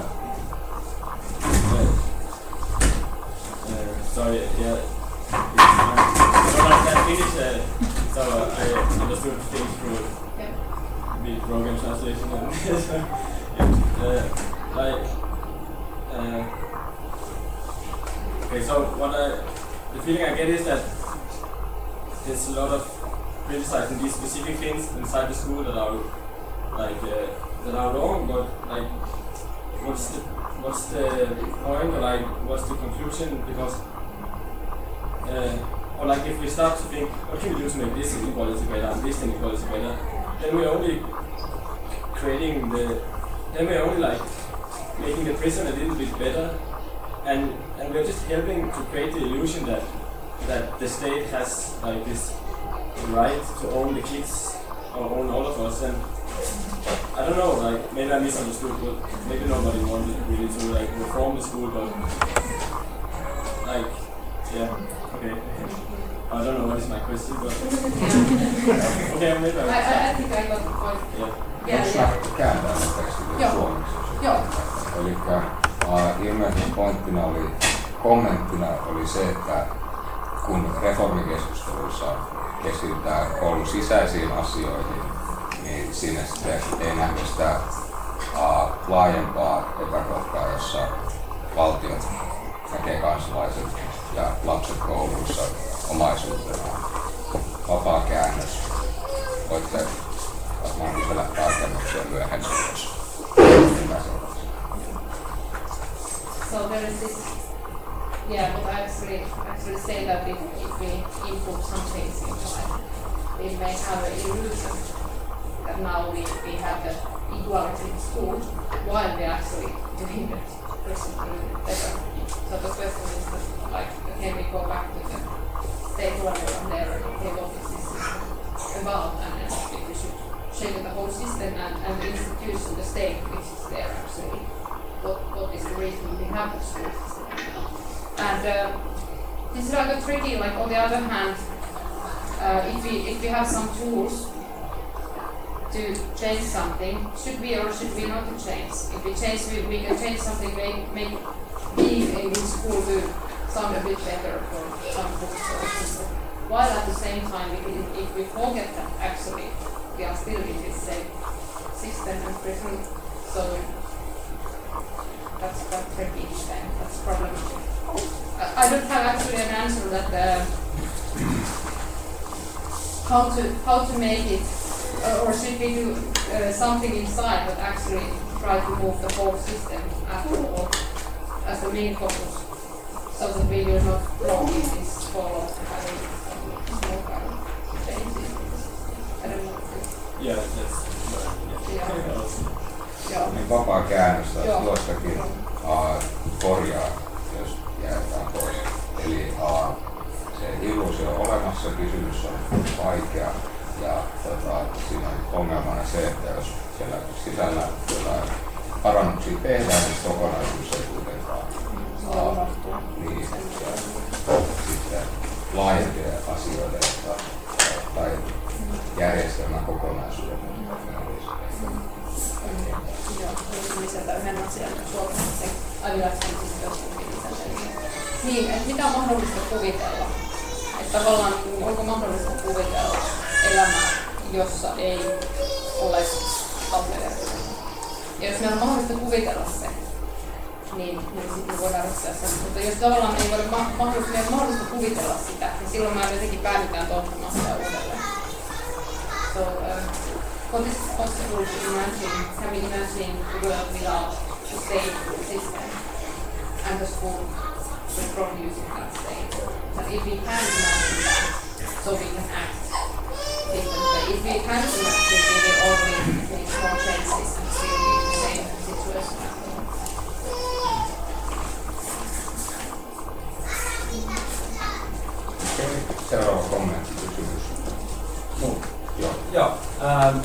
mietin sitä, että tuntuu, että sun tää toisellittamisanalyysi palaa aika paljon ää, niin kuin valtiorakenteiden uudelleen tuottamiseen.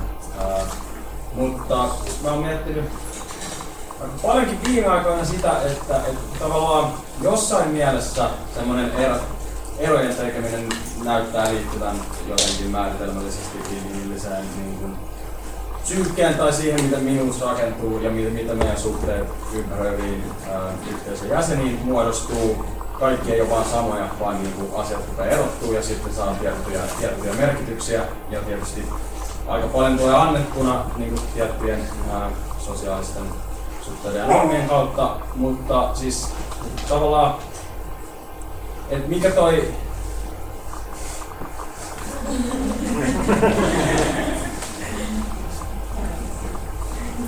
ensin. Tota, ää, et, et siis mikä sun niin oma näkemys, on siitä, että siis jos tavallaan ton ää, meidän ää, etenkin siis koulussa tapahtuvien erontekojen ja toteuttamisprosessien jonkinlainen dekonstruktio, se, ää, en käytä näitä sanoja, siis niiden purkaminen, niin ehkä sit auttaisi huomaamaan, että kyseessä on eräänlaiset ää, valtion, kansallisvaltioon ja ehkä valkoiseen heteromieheen liittyvät tota, etuoikeutetut suhteet, jotka näyttäytyy tietysti sit alistussuhteena niihin, ketkä, ketkä, näitä ideaaleja ei edusta, niin tavallaan jos, jos tämän tiedostaa ja jos näitä haluaa rupea purkaa, niin ei, ei kai kuitenkaan niinku missään ole semmoista au, autoasta psykoositilaa, missä kaikki on vaan samaa ja, ja, ja ei, ei tarvitse tehdä erojen tekoja. Et, tai siis tavallaan niin hierarkiat ja erot ei, ei ole sama kuin valtio. Joo, ja ylipäätään niin erot ei ole sama kuin. Et voi olla niin kuin tavallaan siinä, että voi olla olemassa eroja ilman, että ne asetetaan arvojärjestykseen tai niitä aletaankin kategorisoimaan. Usein siinä, kun ruvetaan kategorisoimaan, niin tänne laitetaan johonkin ryhmiin, niin sitten alkaakin äkkiä olla joku parempi ja toinen huonompi. Me voidaan niin nähdä, ja, ja se, että me voidaan nähdä eroja, että se ei ole se, että kaikki on samaa, niin se ei taas ratkaise, koska kenen samaa se sitten on. Siinä on aina joku arvotus ja sisällys. Et, et, tavallaan se nimenomaan on, mutta se, että pystytäänkö me puhumaan niin kuin eroista ja tämmöistä moninaisuudesta ilman, että se on poikkeavaa suhteessa johonkin juttuun ja se, että se ei määrity. Niin jos me pystytään ajattelemaan se sillä lailla, niin silloin ikään kuin voidaan puhua erosta, mutta ei aina määrittää niitä. Ja siis ei, ei kaikki niin kuin, niitä tehdään muutenkin, mutta tavallaan se, että kun on tyyppiset, niin kuin, mitä koulussa tapahtuu, niin, niin samantyyppisiä systeemejä vähän muokattuna voisi löytää niin kuin monista muista niin kuin instituutioista, kuten vaikka terveydenhuoltojärjestelmässä. Miten ihmisiä siellä luokitellaan, ketä laitetaan mihin tai mihin sertifikoimia tänne. Ja näistä muista jutusta, että, että tavallaan niin kuin, meidän koululla, koulu ei ole se ainoa paikka. Ja sitten tavallaan se, että just, että mistä nämä tulee sitten nämä niin kuin ajattelu, ajattelumallit ja, ja tunnettavat, niin, niin, niin ää, niistä niin kuin, jotenkin monet palautuu kyllä kuitenkin sinne valtioon, mutta, mutta on mahdollista ajatella sitten toisin, ettei ikään kuin lähde toistamaan sitä, että mikä on se niin kuin, ö, valtion niin kuin. Esimerkkinä vaikka se, että, että jos ruvetaan puhumaan niin kuin, ö, kansantaloudesta tai, tai kansan terveydestä, niin voidaan puhua ehkä vaikka terveydestäkin jollain tavoin niin, että meitä ei lähdetä määrittämään, että ei riitä sellaista asiaa kansanterveydestä.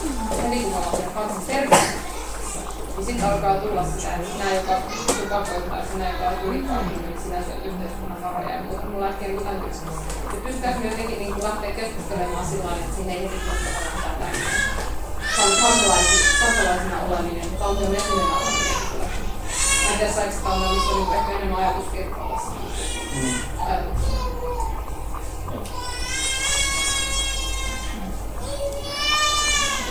Niin mulla tuli tosta mieleen tosta tota, kun sä voit siitä, että kannattaako sellaisia pieniä yksittäisiä muutoksia lähteä tekemään, tai siis sillä tai että legitimoiko ne tavallaan sitä järjestelmää, jos siitä tulee pieniä parannuksia tai sillä, niin musta se on vähän kiinni siitä tavallaan, että, että millä taholle niistä parannuksista tulee tavallaan se kreditti, tai siis sillä että ne niinku tyyli ja oppilaiden suoraan yhdessä tekemiä sellaisia juttuja, jolloin ne voi niinku tukea sitä ajatusta, että me pystytään yhdessä tekemään näitä juttuja, niin me ei oikeastaan välttämättä tarvita sitä instituutioa. Vai onko se silleen, että meillä Suomessa on niin hyvä koulujärjestelmä, että siellä joka voi tehdä tällaista. Tai siis silleen, kun kyllä mun mielestä semmoista pienistäkin muutoksista voi olla tosi paljonkin hyötyä, mutta just jos ne tavallaan tukee sellaista ajatusta, että me pystytään tekemään asioita yhdessä. Toi, toi on hyvä täysin samaa mieltä. Mi-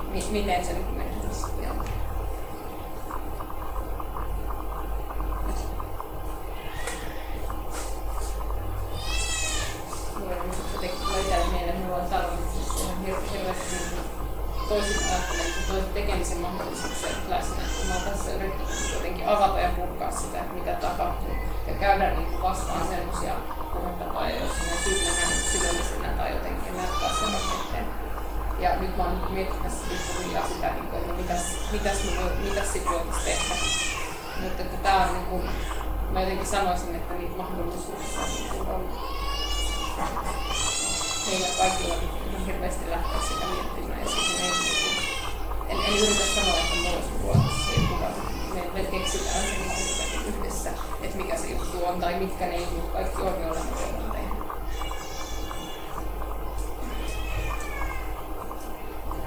Okei. Kysymys, kommentti. Niin mä joku ei kysynyt, että ää, niin, että kun on puhe siitä eriarvoisuudesta, siitä numeroiden antamisesta palkitsemisesta, niin mä jotenkin yleensä näen sen kuitenkin sillä, että ongelma on siinä väärin, jos se palkitaan.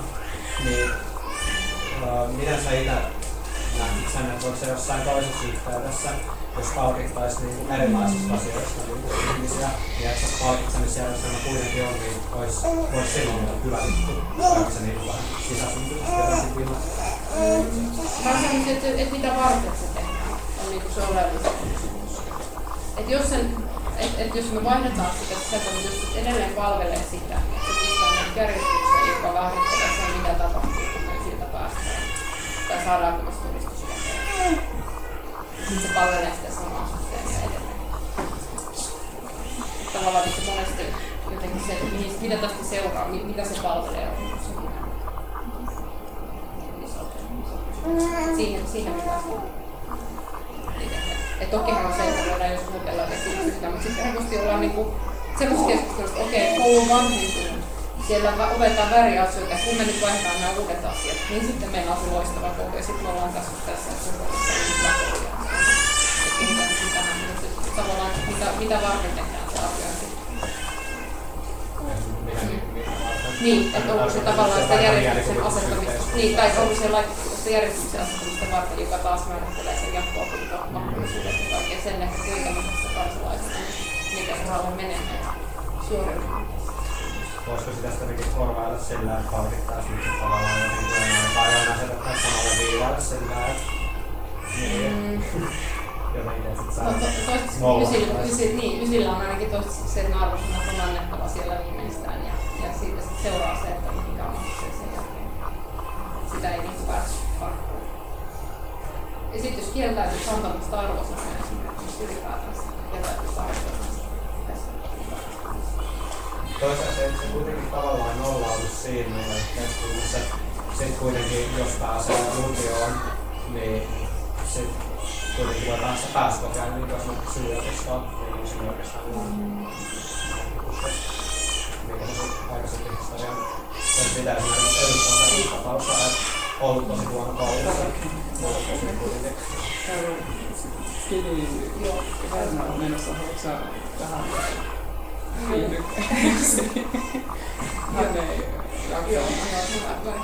Voitaisiin, jos vastaat tähän kysymykseen, sitten Joo. vaikka joku kokonaan loppupuheenvuoro. Niin eikö se nytkin tavallaan saada semmoinen second chance? Mm. Tavallaan joo, mutta se onko se sitten niin, kuinka laaja se on ja onko se sit, ke- ja kelle se sitten on ja niin, onko se ihan vaikka kysymys. Ja, ja tota, niin sitten jos ajatellaan taas historiallisesti, niin kuin, no nyt mennään taas siihen, kysymykseen, että onko tuolla, tuolla laitos vähän parempi kuin tämä laitos, jos ollaan kuitenkin sama järjestelmän sisällä. Että okei, sitten voidaan sanoa, että jos meillä on niin kuin näitä tämmöisiä, että voit sisälle tuolta polulta tonne ja sulla on se toinen chanssi, niin, niin sit sä oot, niin, niin no, onko sitten jollain lailla parempi, ehkä se on, mutta sitten kuitenkin se sama ongelma olla, olla eri systeemin sisällä. Ja, ja mä en, niin kuin, mä en näe, että se kuitenkaan niin kuin toimii yhdenvertaisesti sit kuitenkaan kaikille. Siinä on enemmän väliä. Mutta silti siellä on oma on olemassa myös niitä reittejä, joista vaan ei kerta kaikkiaan pääse sinne. Niin kuin tavallaan se ei välttämättä tunne niin kuin virallisesti sanossa sanoa täydestä päästä. Mutta jos tuotetaan tietynlaiset ihmiset, sulla on tietynlaiset leimat ikään kuin niin, niin voi olla vaan, että, että sieltä ei vaan ikään kuin päästä. Tai sitten se on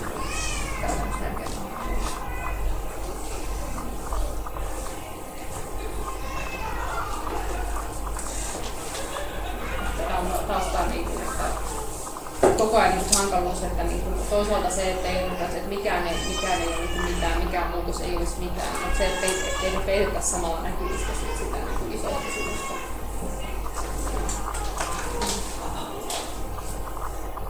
Ehkä nyt vaan toisenlaisten tulevaisuuksien ajatteleminen ja niiden mukaan eläminen olisi ehkä sellainen, että jos, jos alettaisiin elää niin, kuin niin että voidaan kuvitella toisenlainen maailma ja voidaan ruveta elämään niin toimimaan sen mukaan, sitä.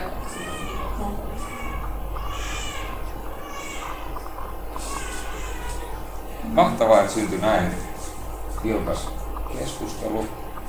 Tota, voitaisiinko me ottaa vielä ihan, no, ihan viimeinen kysymys. Mä, mä oon tänään siivousnakissa tämän jälkeen, niin tässä on vähän oma lehmä ojassa myös keskustelun pituuden suhteen. Joo, joo. Niin, niin. Mua vaan kiinnostaisi tietää, että miten nykypäivän tällaisia keskittymisen vaikeuksista kärsiviä lapsia, niin miten niitä tuetaan tai miten niitä ratkaistaan. Ihan niin monella tavalla kuin on niitä opettajia. Esimerkiksi mulla on luokassa sellaisia istuintyynyjä ja sitten voi olla useampi paikka, missä saa käydä joutamassa tehdä pieniä liikuntavälipaloja, jos haluaa. Ja Ei sitten- rangaista. Niin, yritetään, yritetään tukea siinä, että jaksaa keskittyä. Tuli siitä paljon onneksi tietoa. Mutta se on opettajassa kiinni pitkälle.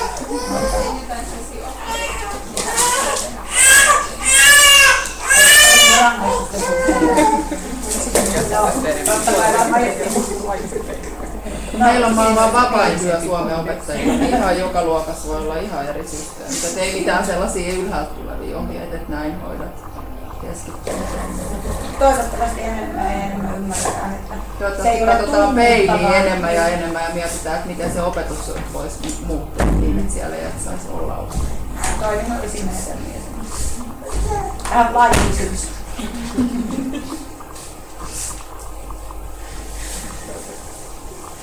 Jees, kiitos kaikille osallistumisesta. Ja tulkaa sitten seuraavalle häiriöiden luennolle. Ja niin poispäin.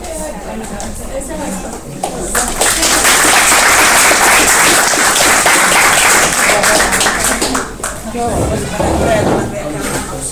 missä